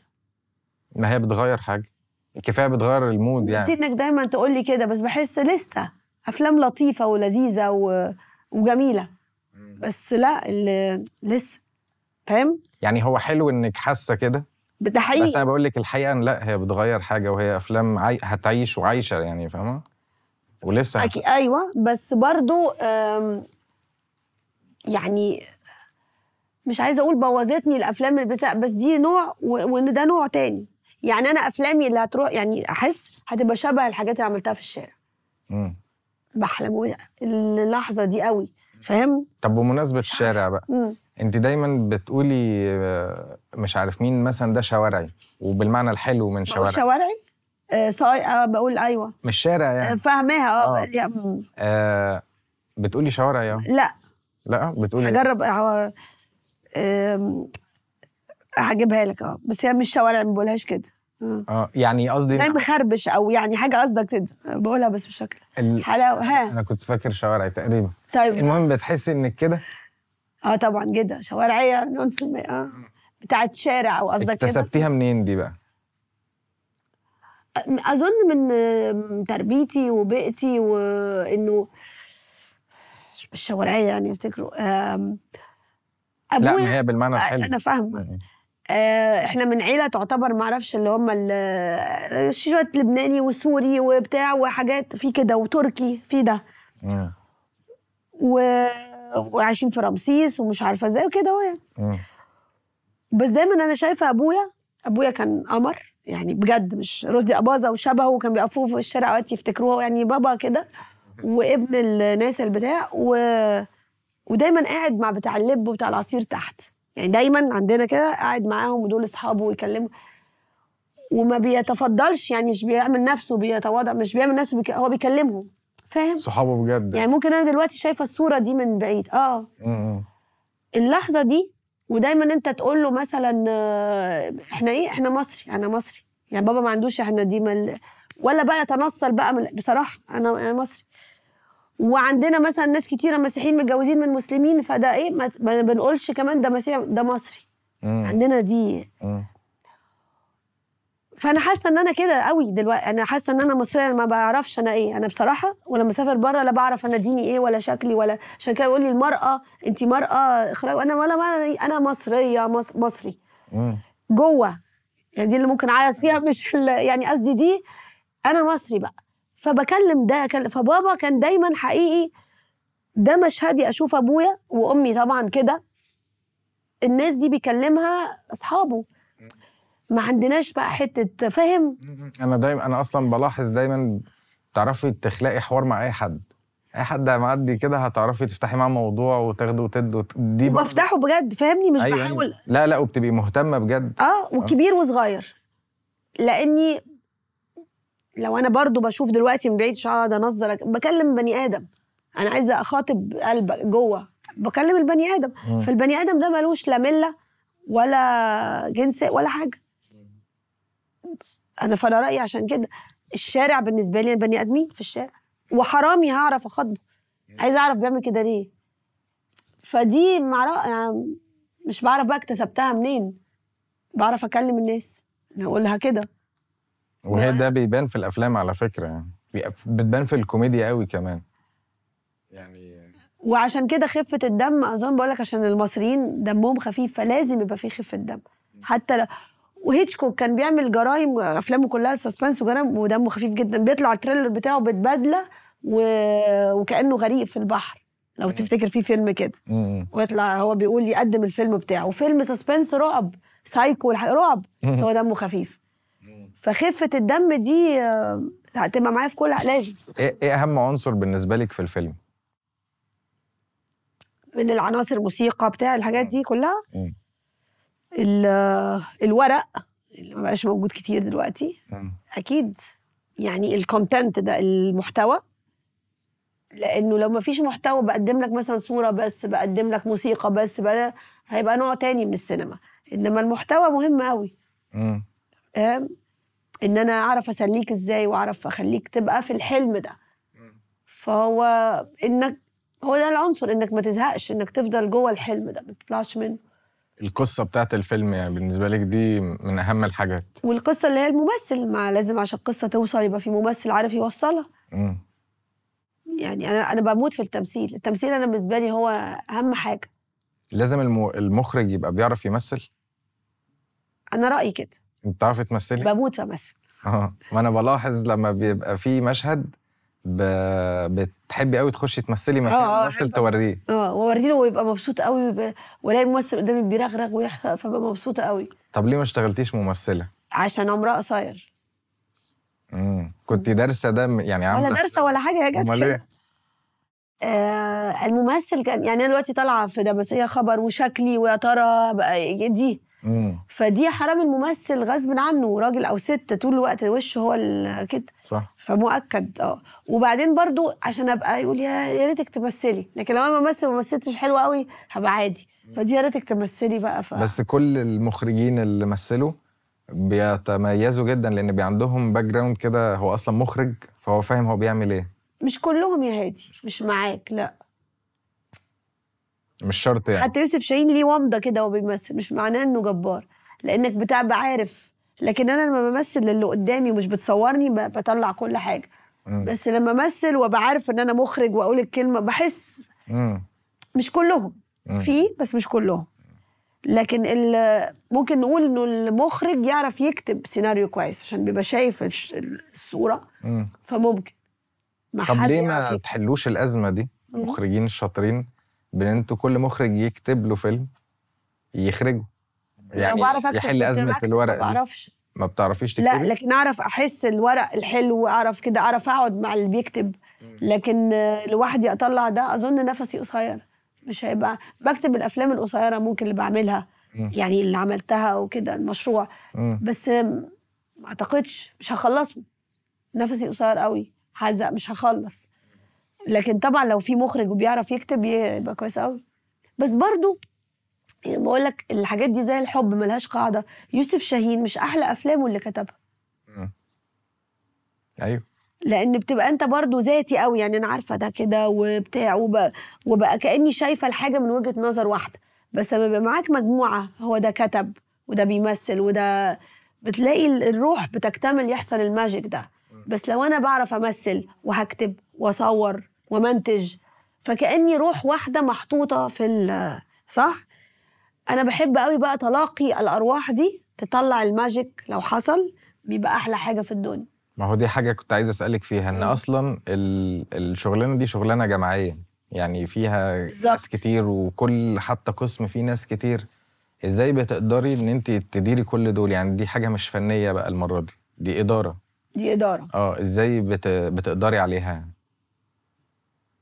زي كل- الشوارعية كده. كل واحد بيبقى ليه شخصية. طبعا صح. آه، بص أنا يعني بكتشف معاك الحاجات أنا معرفش هي كده وخلاص بس آه، هي دي ماجيك هو السحر فعلا إن أنت بقول لك في يوم تصوير كده تقول النهارده بيحصل ده أو في مجموعة مجموعة عمل مجموعة فنية هتكمل معاك الفيلم تلاقي الروح بينهم كده حصل حاجة هم دول هي المجموعة دي. عشان كده لما شوية يقولوا دي شلاليات هو الممثل ده مش بيعرف يشتغل غير مع المخرج. هي مش كده ولا هي شلالية ولا هي الأرواح دي التقت وعارفة تطلع حاجة حلوة. لانها بتكمل بعض في حاجة ناقصاها. ده لما بيكتمل بيبقى أحلى حاجة في الدنيا. فتلاقي أحلى أفلام فاتن حمامة مع بركات. وبركات ما قللتش منه خالص إنه بيعمل أحلى أفلام مع عادل إمام تلاقيه مع فلان مع شريف عرف.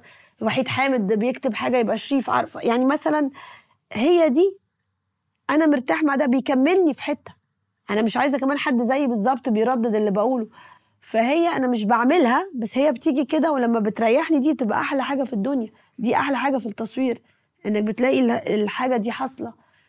ولان يمكن اللي بعرف أعمله إن أنت زي ما بتقول بتدخلي جوه البيان بتعرف. أنا عارفة هادي هيبقى مبسوط إزاي مثلا في مش عارف إيه.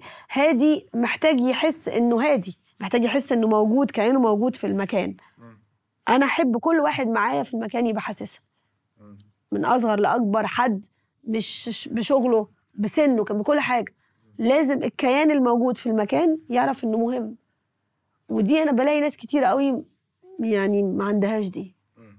وهي أفضل إدارة تيجي كده في حاجات حتى كبيرة قوي لأنها هتعرف تدي المهام لمين؟ ده كذا فلازم تعرف الناس. في أي شغل الناس ما بتعرفش فيه الناس ما يطلعش فيه حاجة. أنا رأيي كده يعني.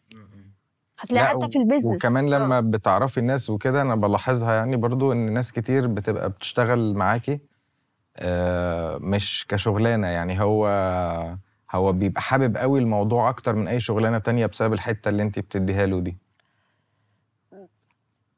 فاهم قصدي؟ فاهم آه بس عشان كده في الأطفال لما بتقولي الأطفال يعني أنا زي ما أنا وأنا أصغر لما كان مثلا أكون في الفصل أو في الفيلم أو في حتة بقول لك حتى ان يوسف شاهين يكون عمل كده دي هو شافك مم. فأنت كبني آدم حسيت إن أنا موجود مم.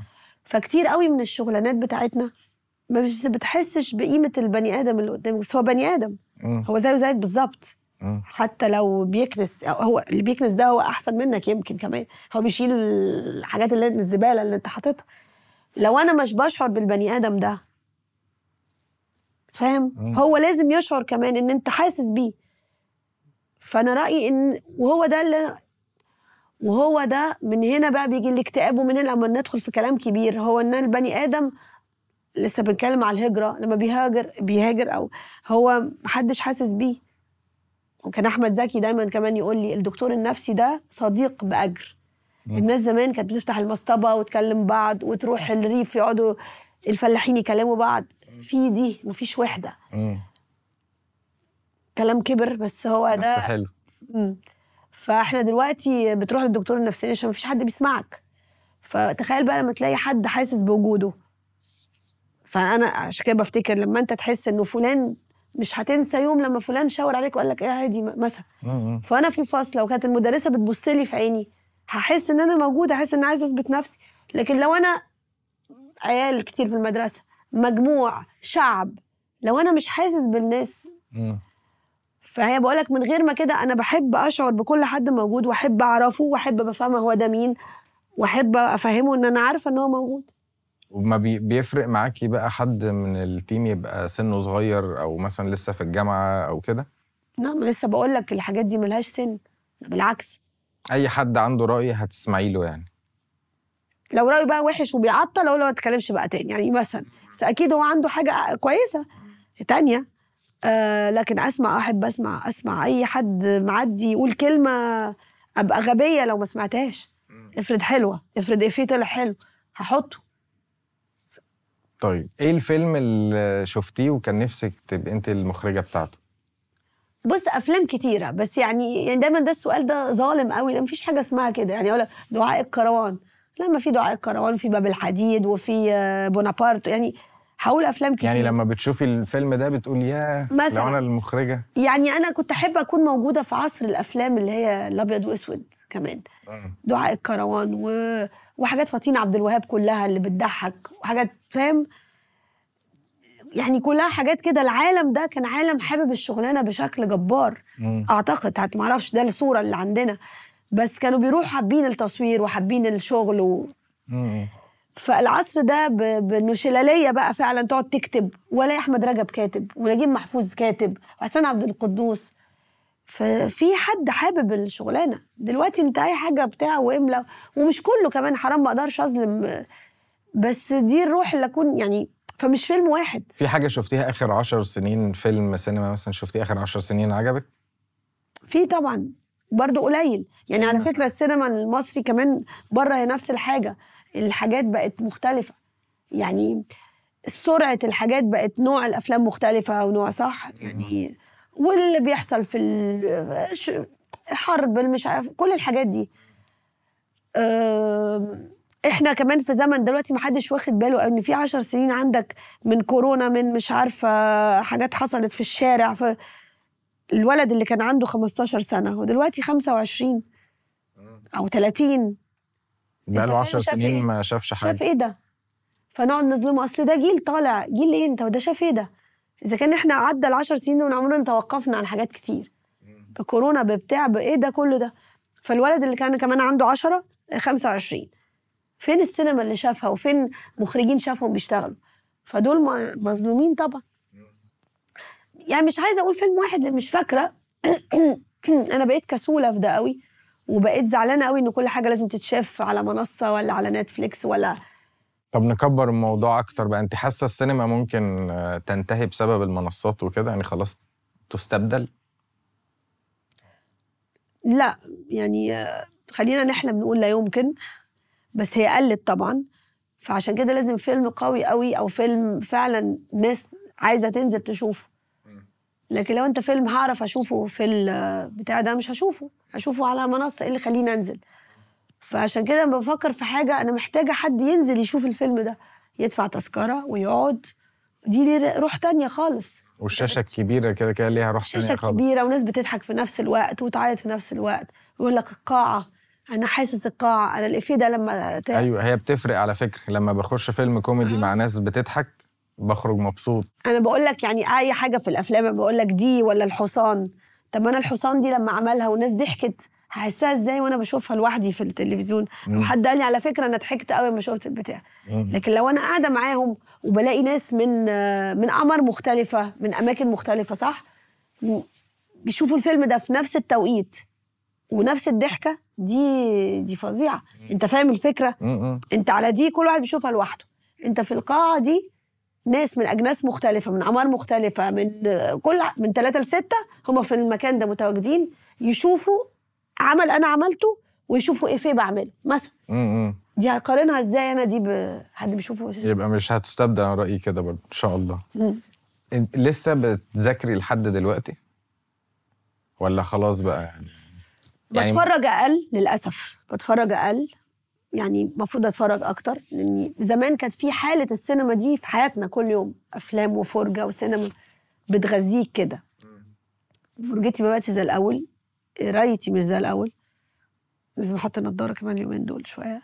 ف بقت حتى لما حد يبعت لي سيناريو ولا حاجة على البتاع ده ما مفيش متعة الورقة دي. لسه بحبها. بس مش هنقدر نقول إنه يعني خلاص يعني ده موجود. فالقراية أقل والفرجة أقل كانت دي المذاكرة بالنسبة لي. فعشان كده بذاكر في الناس في الشارع. لا أن ال- القراية أقل والفرجة حتى على أفلام أقل؟ أقل. ليه بقى الفرجة أقل؟ الوقت بقول لك المتعة ال- الذهن الصافي إن أنا أقعد بقى أتفرج على الفيلم ده بمزاج دلوقتي. مم. ده مش موجود قوي ده. وأنا بحب أديله قدسيته يعني حتى الكتابه بقى فيه متعة كده. فبتلاقي وقت قليل قوي بعملها بس قليل قوي يعني دلوقتي أنا بقرأ في كتاب اسمه Directing the Film بقرأ نفس الكتاب اللي أثر فيا من زمان من 15 سنة أو 20 سنة. هو هو. فاكرة حاجة في الكتاب ده؟ ده كل الكتاب ده أعظم كتاب قريته لأنه أغرب كتاب لأنه هو بقى جايب لك كل آراء المخرجين والمنتجين المعروفين والكوي يعني الجامدين والمصورين وبتوع الصوت كله كله كله. فكأنه حد جمعهم لك في حاجة معينة هم كانوا بيدوا السيمينارات دي يعني ال seminars وكده وجمعهم. وبتلاقي إن كل مخرج غير التاني خالص. فهي بس أفكارهم وآرائهم. فتلاقي في كل حد تت... إيه ده؟ أنا بعمل كده بالظبط. إيه ده؟ ده بيتكلم على الماجيك ده بيتكلم على إن أنا لو في حد قال إفيه معدي بالقهوة لازم أسمعه. مم. بتلاقي مخرج بيعمل كده ومخرج تاني لأ خالص. في مخرج بيحضر مثلا سبيلبرج بيحضر شوية الورقة والقلم ويعمل بالظبط. فليني مثلا لا المخرج الإيطالي يروح يلاقي آه، مكان حلو يعمل عليه فيلم. ممكن يتصور أفيش يبتدي يرسم الأفيش يحط الممثل يبتدي يعمل الفكرة للفيلم. وغيره لا. في حد آه، تاني يروح آه، اللوكيشن لما يروح ساعتها من ساعة يحط الكاميرا. وتحط الإضاءة يجي له الإلهام يبتدي يقول لك هنعمل مشهد ده كذا. انت أقرب لأنهي مدرسة؟ كل حاجة. حتة من هنا ولا حتة حقيقي. مم. في حاجات أبقى موضباها أعملها إزاي آه، حاجات الأكشن ابقى شوية مسستمه بس ممكن يحصل حاجة في ال location تخليني أغير خالص. يحصل magic تاني خالص. لأنه الحاجات دي أنا بحس إن فيها روح. مم. هو إيه إيه السر انت قلت لي الصدق يعني بس إيه السر اللي بيخلي الناس دايما وهي بتتفرج على أفلامك لا زهقانة ومصدقة؟ وفي حاجة غير الصدق؟ يعني في سر الخلطة؟ الصدق يعني الصدق بمعنى إيه؟ ان أنا مش هقول لك أنا صادقة. بقدم لك الحاجة كما المفروض تبقى كده. يعني لو أنا هنحط الكنبة دي مثلا واحد آه، عايش لوحده. بيتفرج على التلفزيون وعايش لوحده. مش ممكن أخلي الكنبة الاثنين لا مش ممكن أخلي الكنبة والترابيزة واللحظة دي بالتلفزيون كده. آه آه. يعني فهمت؟ أيوه أيوه مفهوم. لو أنا فلازم أصدقك. صدقك يعني المخدة كده والموبايل هيظهر أهو عشان ممكن مخبيينه. تلاقي جزمة ولا آه، هلاقي واحد عايش كذا على حسب شخصيته. هو عاي... هو ده. فالصدق يجي من إنه أنا بعمل لك الحاجة كما تبدو اللي هي لازم. بس والتفاصيل دي بتفرق مع اللي بيتفرج؟ التفاصيل هي دي السينما. هي السينما هي التفاصيل. يعني ما فيش كلام. والمونتاج أنا رأيي إن أنا عندي يعني ال- المونتاج هو ده الإخراج اللي هو ما يحسسكش بملل ولا مش عارف إيه اللي أنت بتقوله ده. إنه العالم عشان أنا بشتغل دلوقتي مع مونترين كتير جداد ولزاز وأنا حابة إن أنا يعني المونتاج ده ناقصنا كتير قوي ما عندناش غير كام اسم بس. آه أديك ال ال ال shot وعايشك فيه يعني أنت كممثل مثلا. انت بتمثل دور آه، بتاع. ناظر مثلا. الناظر. الناظر ده بقول ناظر مثلا. ناظر مدرسة. آه بالظبط زي ما عملت معاه بالظبط كده. صباح الخير يا منى مثلا. لو انت قلت صباح الخير يا منى ولمحت هادي في آخر ال shot بقى هادي. مم. لازم ده يتشال فدايما أقول يعني لا ما ت- ما ت- لازم تلبس ال خليك هادي. المدير لكن لو لقيت هادي الشخصية التانية فأنت كشفتني وكشفت حالة الحلم ده. لو المتفرج بيكشف الحتة دي خلاص أنت بتفقده خالص. فالحلم ده لازم يبقى موجود. فالمونتاج بيحافظ لك على ده. مم. دي مع دي مع دي ما تفوقنيش. عشان كده حاجة برضو أنت قلتيها على ممثلين بيبقوا مثلوا عامة بس مع مخرج معين ده أحلى أفلامه.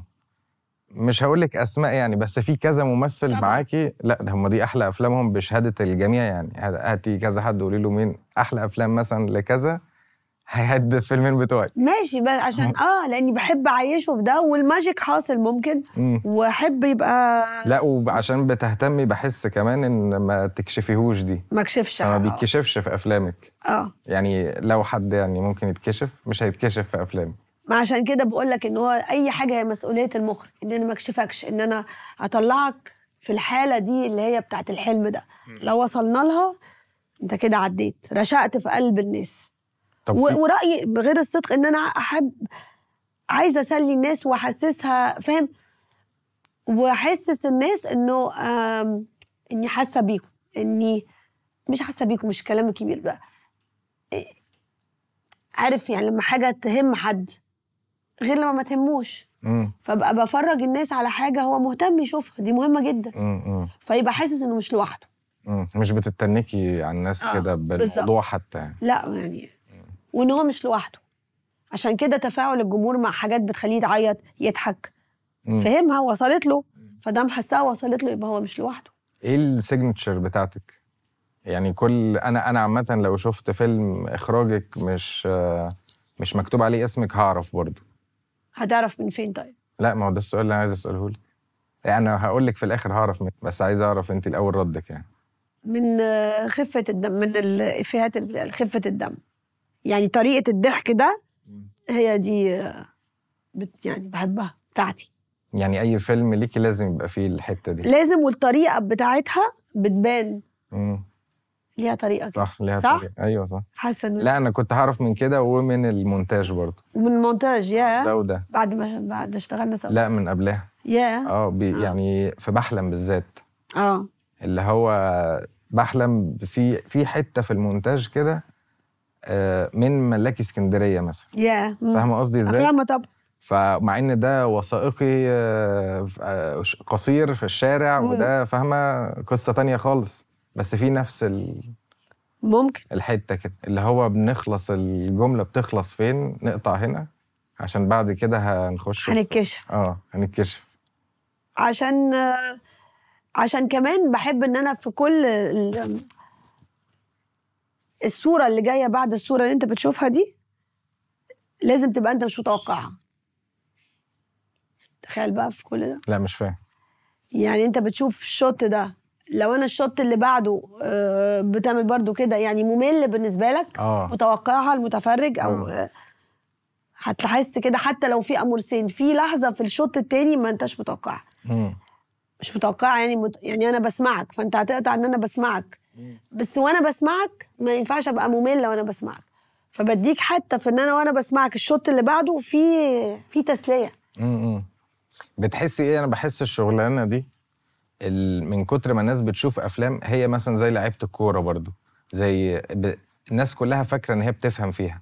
يعني ممكن تقابلي حد في الشارع ما, ما, ما يستجريش يقولها الطبيب مثلا بس ممكن يقول لك بس عارفة لو كنت جبتي الممثل الفلاني هتعمله يعني فاهمة؟ تلاقيه آه. دايما بيفتي في شغلك. آه. بتتعاملي إزاي مع الحوار ده؟ لا بسمعها وبعرف أغربلها. يعني أعرف أقول إيه اللي يدخل وإيه اللي لأ. امم بس من الغباء إنك ما تسمعش. من الغباء. حتى لو حاجات وحشة وبتضايقك أوكي أنا سامعها. ومن الذكاء بقى إن أنا أسمعها وأعرف إنه دي ما ينفعش تهمني. فهمت؟ بس ما أقولش أنا مش شايفة خالص. مش سامعة. لأني مش بس هتغر أحس بقى إن أنا ده لوحدي يعني وأنا عايشة لوحدي. فلو أنا عاملة كده أنا هوصل إيه للناس؟ ودي على كل المستويات على كل البيزنس وعلى كل الشغلانات وعلى كل الحاجات. لازم أسمع اللي حواليا.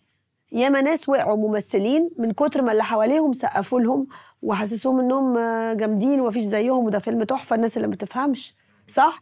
لو أنا سمعت كده ما أنا هقع. فأسمع وأغربل إيه اللي ينفعني؟ أخده يطلعني لقدام اللي هيأخرني ما أسمعوش. في مرة حد وانت بتخرجي آه قال إفيه متي من الضحك.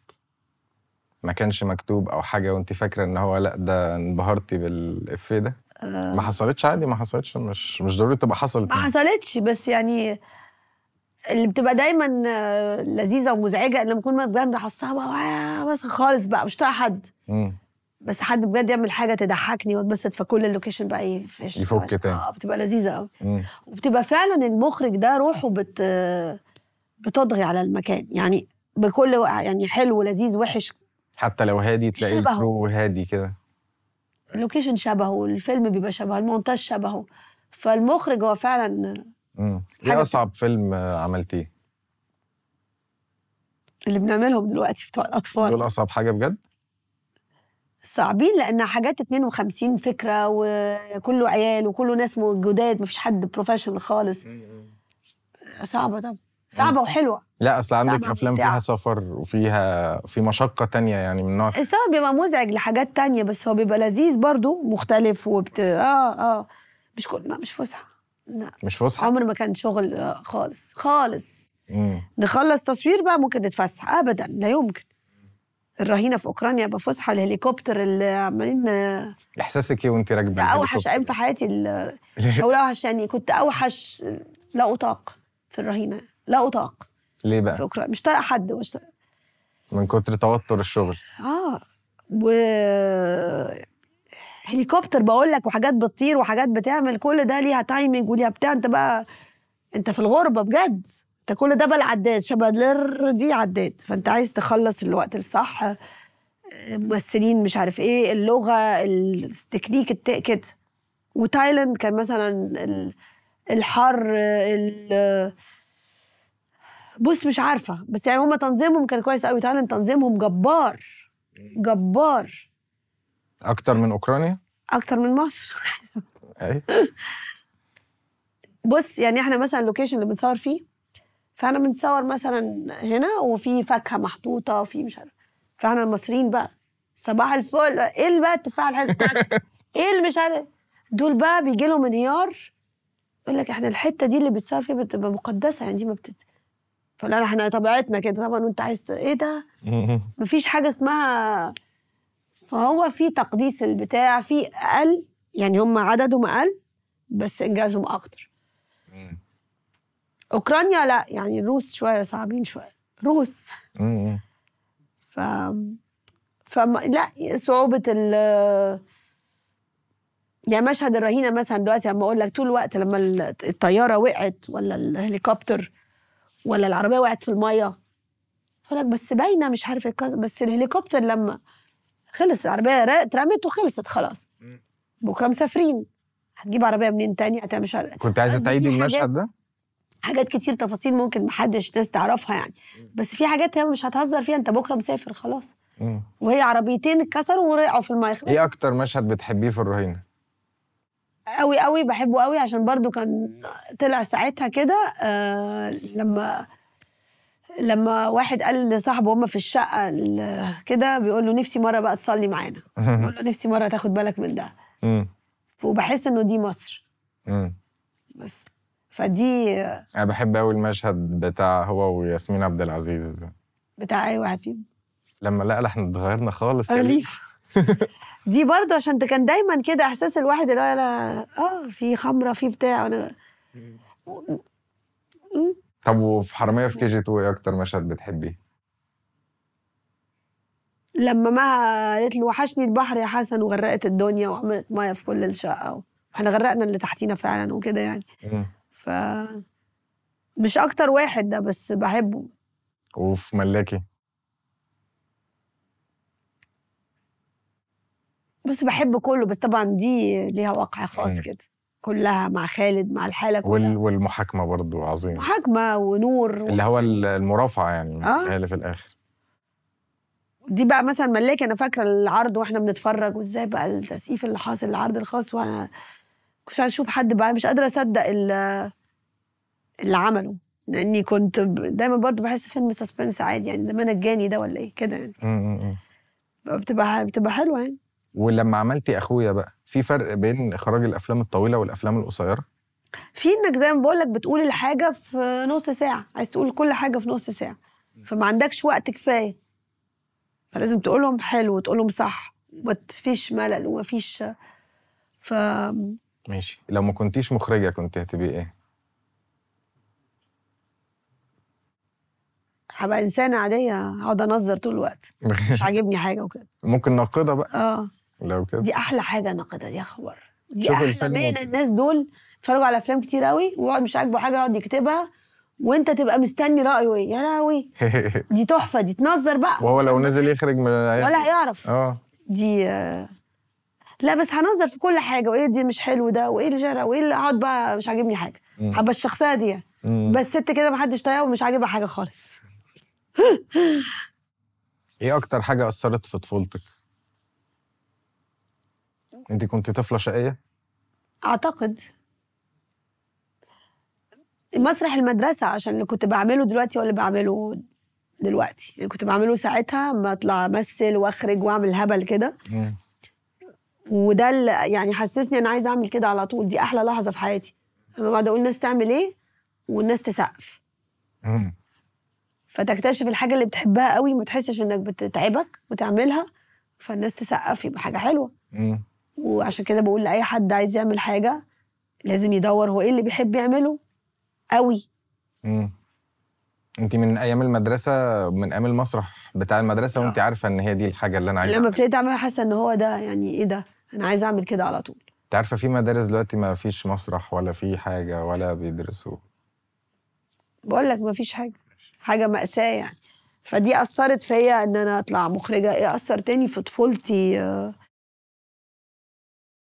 يعني واخدة إيه من باباكي ومامتك؟ انت قلتي لي واخدة إيه من باباكي بس عامة. الشعبية دي الشعبية ممكن بقول الشعبية يمكن مش بقول الشوارعي شعبي ممكن. انت قادره ماما أمي كل أنا أنا حاسة إن أنا أمي يعني هو ده. كل اللي بنتقدها فيه وأقول لها تلاقيني بعمله. امم بالملي فاللي بقوله لها يا ماما كأني بكلم نفسي. فحاسة ليها الشخصية دي الاجتماعية دي اللي هي العلاقات من غير علاقات يعني فاهم؟ بس تبقى فاهم ده عارفها ده بيسهلها حاجة ده كذا. ما احناش يعني عيلة كنا أولاد مش عارف إحنا عادي خالص. بس حاجات بتتفتح كده كأننا الحمد لله يعني. بالروح الحلوة بس كده. هي الروح الحلوة. آه ما هي دي. امم وعايزة أتمنى بقى لو انت تقول لي وابنك ولا- يبقى كده. يعني ولا بقى بفلوس ولا ببتاع ولا الكلام ده خالص. فلوس بتروح وتيجي و... ولا أي حاجة. ومش عارف ده اللي يفضل. ده الورث يعني هو ده. إنما يبقى عنده كل حاجة ومش عارف ده كلام فاضي. كل حاجة دي بتبقى بتاخد كل حاجة ما بتشبعش وبتبقى ولا حاجة. لما بتاخد كل حاجة بتبقى ولا حاجة. حلوة الجملة دي. حلوة جدا. مم. كل الناس نجحت وكسرت الدنيا كانش عندها كل حاجة. آه صح. يعني ما عندهاش كل حاجة مش بقول منهم يعني. أغلبهم. أغلبهم. لازم أسعى لحاجة. مش بقول يبقى فقير ولا يبقى لا يعني يبقى محروم من ده عايز دي. السعي ده ده يطلعك حاجة. إنما آه، الحصاله تطلع حاجة تحوش. لو أنت عندك كل حاجة مش هتحس بقيمة حاجة. صح. إيه آخر درس اتعلمتيه؟ حاجة علمتك حصلت في حياتك يعني؟ آه، درس إنه كله بيعدي.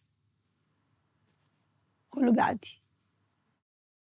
مفيش آه، إيه أصعب؟ طب لحظة في حياتك أصعب قرار؟ أو في فترة كنت لأ القرار ده صعب قوي أنا عارفاه بس خلاص مش لازم أقوله يعني. ماشي مفهوم. أه تنصحي نفسك بإيه؟ يعني ما اعملش كده تاني. أه. لأ إنه أنصح بنفسي إن أنا أنظم شوية بجد. يبقى شوية بس كده. أدي لنفسي وقت كمان ليا و... وده هيجي بالتنظيم. يبقى عندك وقت لنفسك. إنما كل حاجة كده طب هتشتغلي على فيلم في 2024 ما هو ده بقى اللي عايز أثبته لنفسي. أكيد. يا رب إن شاء الله. شكرا يا أستاذ. والله العظيم بس خلاص. آه يعني مبسوط إنك جيتي. ومبسوط قوي إني قاعد في حلقة كده معاكي. يعني من سنة بالظبط ما أيوه كنتش آه، أحلم بده والله. يا بلاش حلم بس يا هادي. شكرا يا هادي.